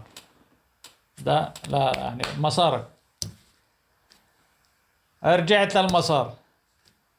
هلا لأنه القريبة فأخذت أربع درجات انحراف على الشمال مشان أوصل نقطة زعترة وأنا بيتي في حوارة. تمام؟ قريب على حوارة وقريب على زعترة. بس أنا في الجو يعني ما فيش آه، هذا آه، مترات بتنعد. أخذت أربع درجات انحراف ثانية على اتجاه بيتي وضويت الأضاءة الأمامية للطائرة كنت أضويها وأطفيها. وشافتني مرتي وأولادي وظليتني فوق الكرامة وهبطت في في عمان. الصبح ولا التليفون برن؟ مش م... مش مرافقه. ولا هو ابو عمار شخصيا. نعم اخو عمار قال لي مثل ما جبتني بترجعني على غزة. قلت له حاضر. أنا بعمل flight plan قبلوها الأردنيين. قبلوها. ما قبلوهاش. أنا ما أقدر أعمل لك شيء. وأنت اعمل اتفاقيات مع ال- الارتباط العسكري. قال okay. قال okay فاهم علي. عملنا ال- ال flight plan. الأردنيين ردوا علي okay موافقين. آه رحت على الطيارة حكيت مع مع ابو عمار إنه إحنا ال flight plan جاهزة الأردنيين وافقوا. قالوا إحنا الارتباط العسكري جاهز. اجوا الشباب ركبوا في الطيارة بدك تدمرنا وبدك بدك صاروا إيه قلت له يا عمي ده عنا موافقة شو أدمرك؟ هلا عملنا تاكسي على الإقلاع. اسمع ركز أنت والجمهور. بقول للملكي لل ل لماركا tower عمان tower إنه clear أعطوني clear for take off هلا بعمل rolling الطائرة ارتفعت مترين عن أرض ال... عن مستوى ال- ال- ال- المطار. مترين ثلاثة. بقول للكابتن عمر landing gear up بدنا نرفع العجال ولا دخلت علي ال frequency الإسرائيلية. بقول لي الفلسطينية 001 You are under control. Continue on this heading. مستوعب شو اللي بحكيه؟ على ارتفاع 3 متر. You are under control. Continue on this heading. قلنا له okay عمان السلام عليكم. مع السلامة. حولنا على ال frequency الإسرائيلية. قال okay ثلاث أربع دقائق ولا أنا over head كرامي أوفر هيد كرامي اللي هي سلام بوينت هلا ما سألتنيش أنت بتأخذ معي من عمان لغزة 12 دقيقة. كروس لأنه. فوق الكرامة. ولا بقول لي change to this frequency. غيرت عليها. ولا بقول لي this is Israeli Air Force frequency. قلت له okay sir go ahead. قال look to your right look to your left. ولا ولا أبو عمار والشباب صاروا مصورين. طيارتين F 16 على اليمين وطيارتين F 16 على الشمال. طلعت ولا هم؟ أشرت لهم. ولا بقول لي turn right now. You are not allowed to enter Israeli territory. Turn right now don't talk. لف على اليمين الآن. ما تحكي. قلت له عندي قال لي turn right don't talk هلا إحنا طيارين هلا إحنا في الطيران المدني في تعليمات okay استسلم. طيران عسكري بحدك استسلم. معي رئيس. اخش فيهم. لفيت على اليمين. بهاي. اللحظة القرار بكون بالكامل إلك ولا أبو عمار له قرار؟ عندي القرار. مش علاقة. أبو عمار لما كنت في الطيارة بقول لهم مدى قائد الشعب الفلسطيني. هلا بحكي لك عن قصة عن قصة آه، ذكرني عن قصة الصين. فيا صاحبي آه، لفينا ولا اجى ابو عمار على الكابينة. بقول لي في حصل إيه؟ قلت له اللي أنت شايفه. نكتوا في العقود. قال مش أول مرة. قال لي طب المهم إنه إحنا معنا وقود. قلت له لا أكيد أنا بدي أطير بدون وقود. معي. قال لي بدك ترجع عمان؟ قلت له برجعكيش على عمان برجعك على العقبة ومن العقبة على شرم الشيخ من شرم الشيخ على العريش من العريش على غزة. قال لي طيب يا ابني شكرا. وعملت ال- الحكي اللي حكيت لك عنه وصلنا على غزة. هلا صار الحكي طائرات إسرائيلية تعترض طائرة ياسر عرفات طائرة عرفات تدخل الحدود الإسرائيلية بدون موافقة وصار ال- الأخ وال والكل والكل صار يقول هذا عزيز المشاغب عزيز ال- اللي فوق واللي تحته أنتم لبسوني إياها. أنا لابس ابو عمار ما هو شاهد وعارف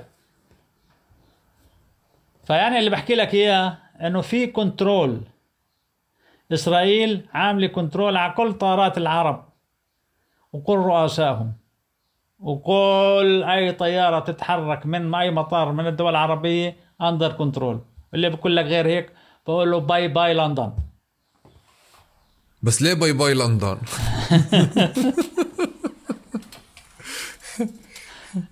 طيب أنا أنا أنا بدي أسألك بدي أسألك سؤال إيه، بالعادة إحنا بالطيارين بنشوفهم نحسدهم على نمط الحياة. تمام. يعني الشباب خاصة بعدين كلهم بكونوا هم هيك محافظين على شبوبيتهم زيك شعرهم طويل وملس لورا ومحطوط عليه جل ولابسين مرتب. حلو. وبسافروا وبروحوا حفلات وروحات وجيات و... و... وصبايا وكتير أشياء وهيك. هذا الجو أنت عشته؟ أنا عشت أخوي عشته مع محمود مع, مع محمد الداي. وعشته مع مع مع مع مع عماد أبو ندى. عسكر. عندي عندي عندي مضيفات ولا عندي وقت فراغ إني أنا أتحرك. الأوتيل مع أبو عمار. أو القصر نايم عند أبو عمار وين وين بدي أروح؟ وين بدي أروح؟ وين بدي أجي؟ ما يعني انت ما- فعليا هذه الصور النمطية اللي إحنا بنشوفها أو بنعرفها أو بالأفلام هذه أنت ما عشتهاش ابدا لا اطلاقا اطلاقا ما في- ما فيش مجال وبعدين آه، آه، وسواس الأمن يعني إذا إذا صبية ضحكت لي بده تشتغل كل أجهزة العالم والامن في لحظة إنه شو بدها؟ ها؟ انحطت آه. لك وين انحطت لي قنبلة بده نحط لي شيء بدها تسقط. يعني بتصير كل الاستفسارات يعني متاحة. أوكي. آه آه أنا أنا ب- يعني بشكرك كتير. بعرفش إذا بدك تضيف إشي انت آخر إشي لأنه أنا يعني استفدت في الأسئلة وخضنا مسار طويل. تمام. فأنا بدي أترك لك المايك إذا أنت بدك تحكي إشي. أنا بحكي إنه يعني آه، الشعب الفلسطيني آه، سينتصر وهذه حتمية ربنا حطها في سورة الإسراء. ولكن كيف بدنا ننتصر؟ إذا إحنا انتصرنا على أنفسنا ومشينا في التراك الصح تبع الله وإن شاء الله أوعدهم أن نهبط في مطار كولنديا و- والأجيال تثق بأنفسها وتثق بحلمها وتثق في الله أولا وآخرا. و- وحتمية النصر قادمة لا مجال. عشت عشت. طب علي أنا بالعادة بنهي بنهي المقابلة بالخالص الخالص بسؤال عن المقلوبة لأنه أنا بحب المقلوبة. فأنت زيي بتحب المقلوبة أو لا؟ أنا فلسطيني بحبش المقلوبة. هلأ أكلت مقلوبة قبل ما جيت كيف أكلتها؟ كيف معمول المقلوبة؟ يعني بالباذنجان والرز وال- وال- والعادي. آه لي وصف لي إياها. أنت بتستلذ بالأكل يعني. آه، بتستطع أعطيني وصف. ما أنت دقيق بوصف الطيران بكل إشي. وصف لي المقلوبة زي كأنها رحلة طيران. يعني آه، مقلوبة يا راجل. شو بدك هذا هي يا عم شغلاني هي. هسه بعد الشرح هذا كلياته التفصيلي عن كل إشي. عند المقلوبة بطلت بدك تشرح؟ آه بطلت والله. يلا يعطيك ألف عافية. حياك الله. طب هذا انت أنت بدك تبيعها صوت ولا صوت وصورة ولا؟ صوت وصورة. وامتى وكيف؟ أه بخبرك عنها. تمام. بس إذا بتحب تضيف رحلة الصين ولا مقابلة ثانية ولا انتهى وقتك؟ أنا أنا أنا يعني مجبور أوقف بس إذا أنت بتشوف إنه في في. قصة مهمة عشان نكمل الصورة بالكامل أنا معك. ما بنحكيها. يعني يعني هي هي قصة يعني كسرت الريكورد في العالم كله وهي كمان شهرتني أكثر من شهرة الهبوط في مطار غزة. عندك الموضوع بدك تحكي لنا إياها؟ أنا تمام. يا سيدي هذا إحنا باختصار على السريع. إحنا طرنا طرت على 55 دولة في 20 يوم. 55 دولة في 20 يوم. هذا الحكي مشان الاعتراف أبو عمار كان بده يجيب الدولة في 98 هلا إحنا هلكنا. نتصور 55 دولة في 20 يوم. كسرت كل ال record. ممنوع لمعلوماتك إنه الطيارين بيطيروا 8 hours only. يعني من وقت يخرج من باب الدار للهبوط الثاني 8 hours. هيك ال regulation إحنا عندي 20 ساعة طيران و18 ساعة طيران متواصل يعني مشاغب مشاغب. مشاغب. المهم يا سيدي رحنا على غزة. بقول له اخ ابو عمار إحنا بدنا نغير ال Jeppesen اللي هن هذا ال- ال- الخرطات الجوية ونغسل الطيارة ونغسل حراماتك ون- ونريح الأمور كلها. واهم شيء نعمل Jeppesen. في عندك شيء قال لي لا يا ابني ما في شيء يلا يا شباب فضينا هالطيارة ودينا كل شيء على الاوتيل اللي على الغسيل واللي مشان الخرائط الجوية المهم الساعة عشرة في الليل فكل لهم تعال نشتغل في الخرائط حل عننا بدنا ننام وناكل سمك كنا بنروح يلا الله يعطيكم العافية الساعة عشرة بالليل أنا قاعد بغرفتي ولا الباب تك تك تك تك تك فتحت الباب ولا هو محمد الداي شو بدك؟ آه الأخ أبو عمار أنا أجيبك مغفولا. وشو مغفور شو بدي؟ شو عامل أنا؟ أنا أبصر شو عامل. بتعرف بيحبوا يمزحوا. لبسنا القميص ورحنا عند الأبو عمار. قديش؟ بعيد 200 متر عن المنتدى. قال له أبو عمار شو في؟ قال لي يا ابني أنا خجلان منك. قلت له لا أبو عمار عمر. قال لي بس بدي أوصل على جدي. بدي أوصل على جدي. قلت له إمتى؟ قال لي الساعة 3 الصبح.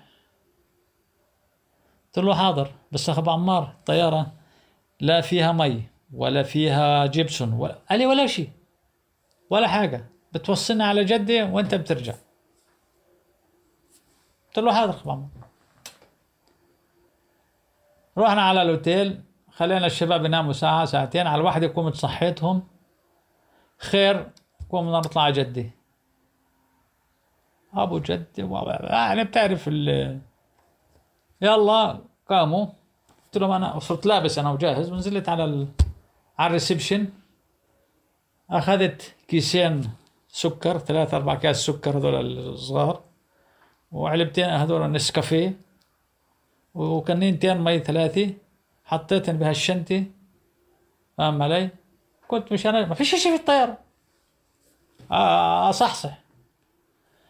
طلعنا وصلنا على حاجز أبو هولي. أهل غزة بيعرفوه حاجز أبو هولي. هذا زي فاهم علي؟ وبدا لك الساعة 3 الصبح رشك النار علينا. وأنا أصيح على التليفون مع العمليات بطخوا علينا. المهم حكوا مع بعض. بعدين فتحوا لنا الطريق ووصلنا المطار. وإجا أبو عمار أقلعنا على الساعة 5 الصبح من مطار عريش من مطار غزة. لا لجدة ساعة وخمسين دقيقة ولا أنا في مطار جدة هبطت في مطار جدة اجى أبو عمار بقول لي يلا يا أخويا روح روح روح ارتاح. ارجع. قلت له وين أروح؟ يعني أنت تيجي الطيارة الثانية البديلة وأنا بعطيك بنزل الشنط وكل شيء ونتوكل على الله. قال لي طيب وجهة نظر. طلعت قاعد في الطيارة. ساعة ثنتين ثلاث أربعة خمسة ست ساعات ولا طيار سعودي. رضي يطير مع أبو عمار. ليش؟ لأنه سامع أنا كم دولي طاير. لأنه خايفين على ال license تبعهم بنسحب. وإذا بده يروحوا على الصين معناته راحت عليهم جنوب آسيا كلها جنوب شرق آسيا راح. على فيتنام وعلى كوريا وعلى كوريا وعلى ماليزيا واندونيسيا يعني اللي بده يطلع بده يهترك وكانوا ينهروا. ولا طيار سعودي رفض يط- يطير مع أبو عمار. المهم باختصار أبو عمار بهدل السفير ما خلى ولا بكى. أنا حاط راسي على الكرسي وعامل هيك. في كرسي الطيارة وقاعد. له هالواحد بدق على ظهري وبضرب على راسي؟ ضربته. فكرت حالي طلعت له أبو عمار؟ ولا شغل. وين اخو عمار؟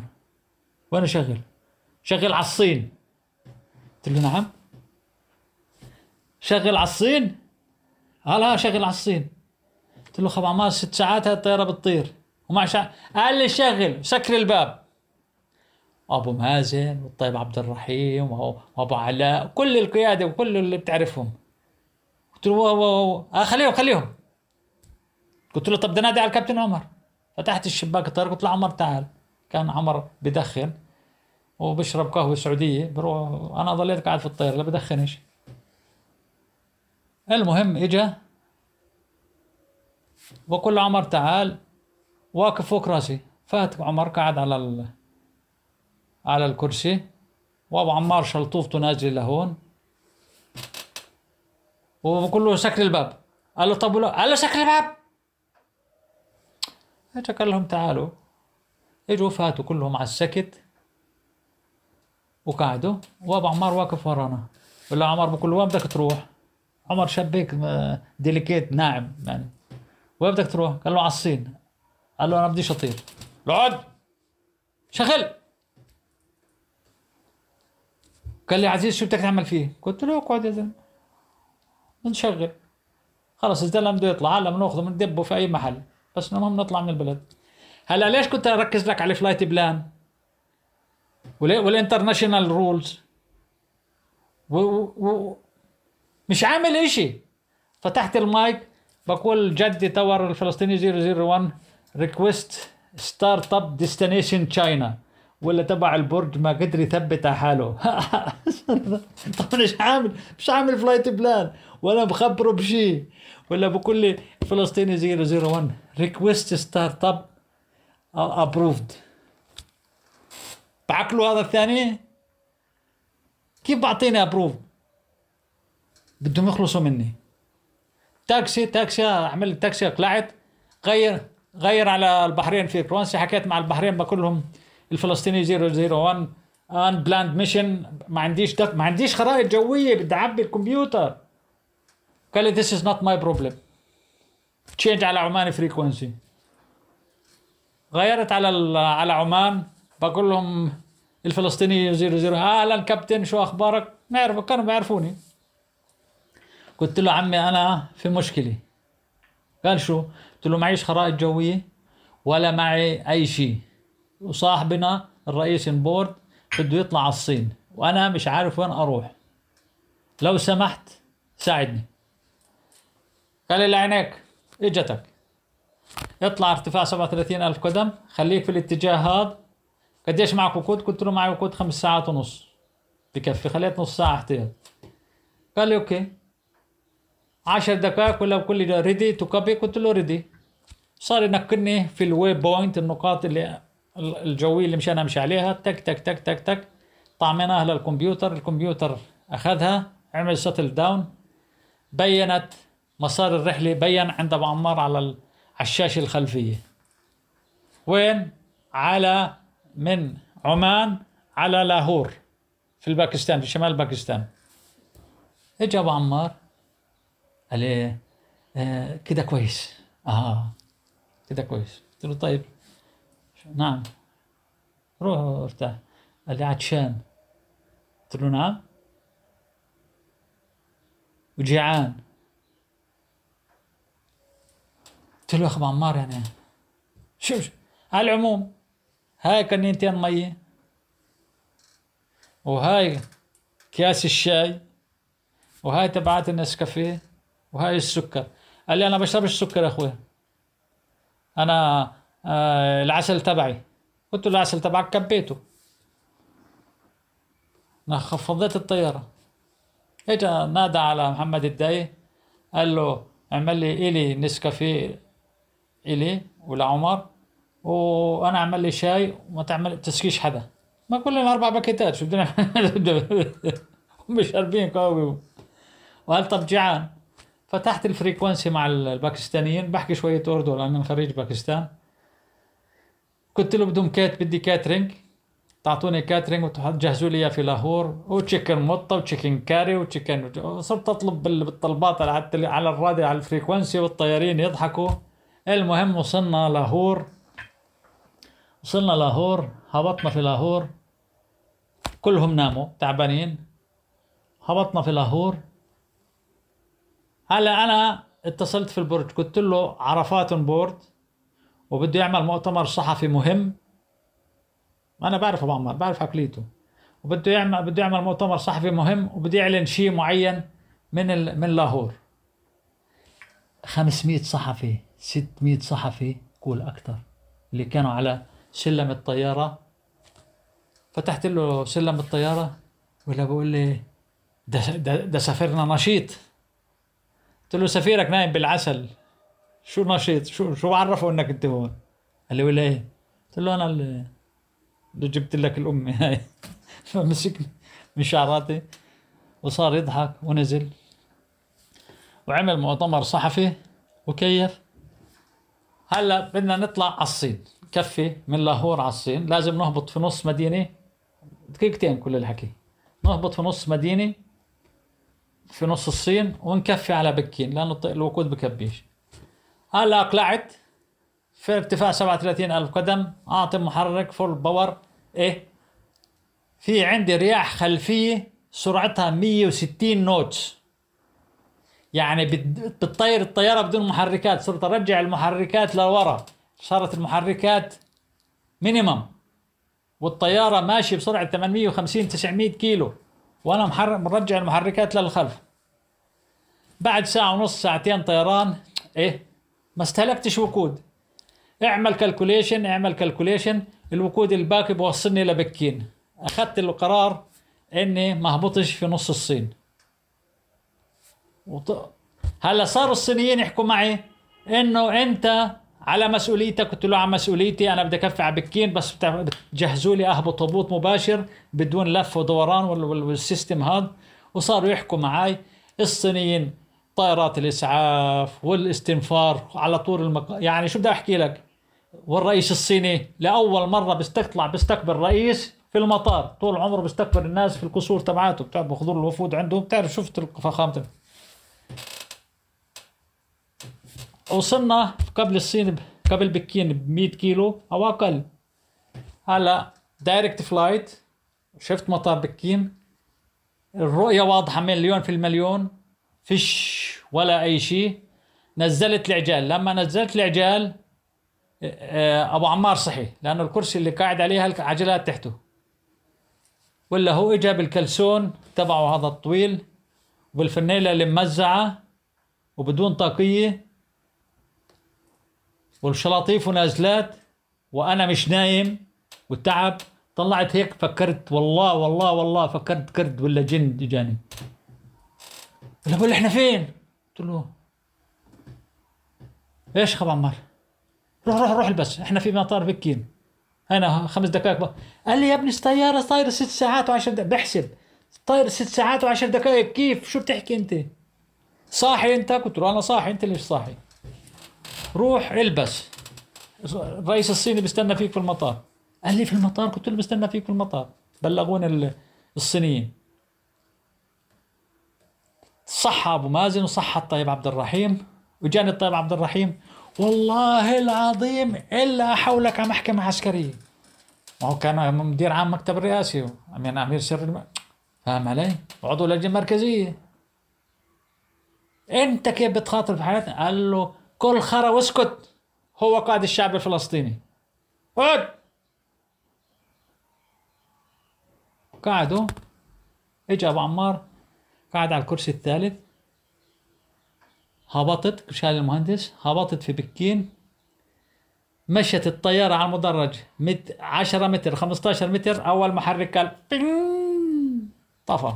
وقود طفيته طفيت المحرك الثاني. طفيت المحرك الثالث. ظل محرك واحد خليته يزك الطيارة. زك لا نص المدرج بعدين طلبت الفلومي. اجى الفلومي شبك الطيارة من قدام وجرنا لعند المنصة الرئاسية لعند الرئيس الصيني. فتحنا الباب نزل أبو عمار الرئيس الصيني مكشر والسفير ميت من الخوف. وأنا نزلت فاهم علي؟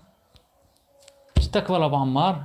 وإجا المترجم لسه بده بيحكي آه، المترجم بالعربي وبالصيني بيحكي عربي وصيني.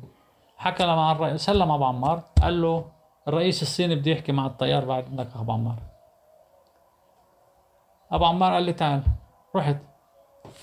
ولا بقول المترجم الرئيس الصيني بيسألك إنه أنت كيف تتخذ قرار زي هيك؟ قلت له مش أنا اللي اتخذت القرار.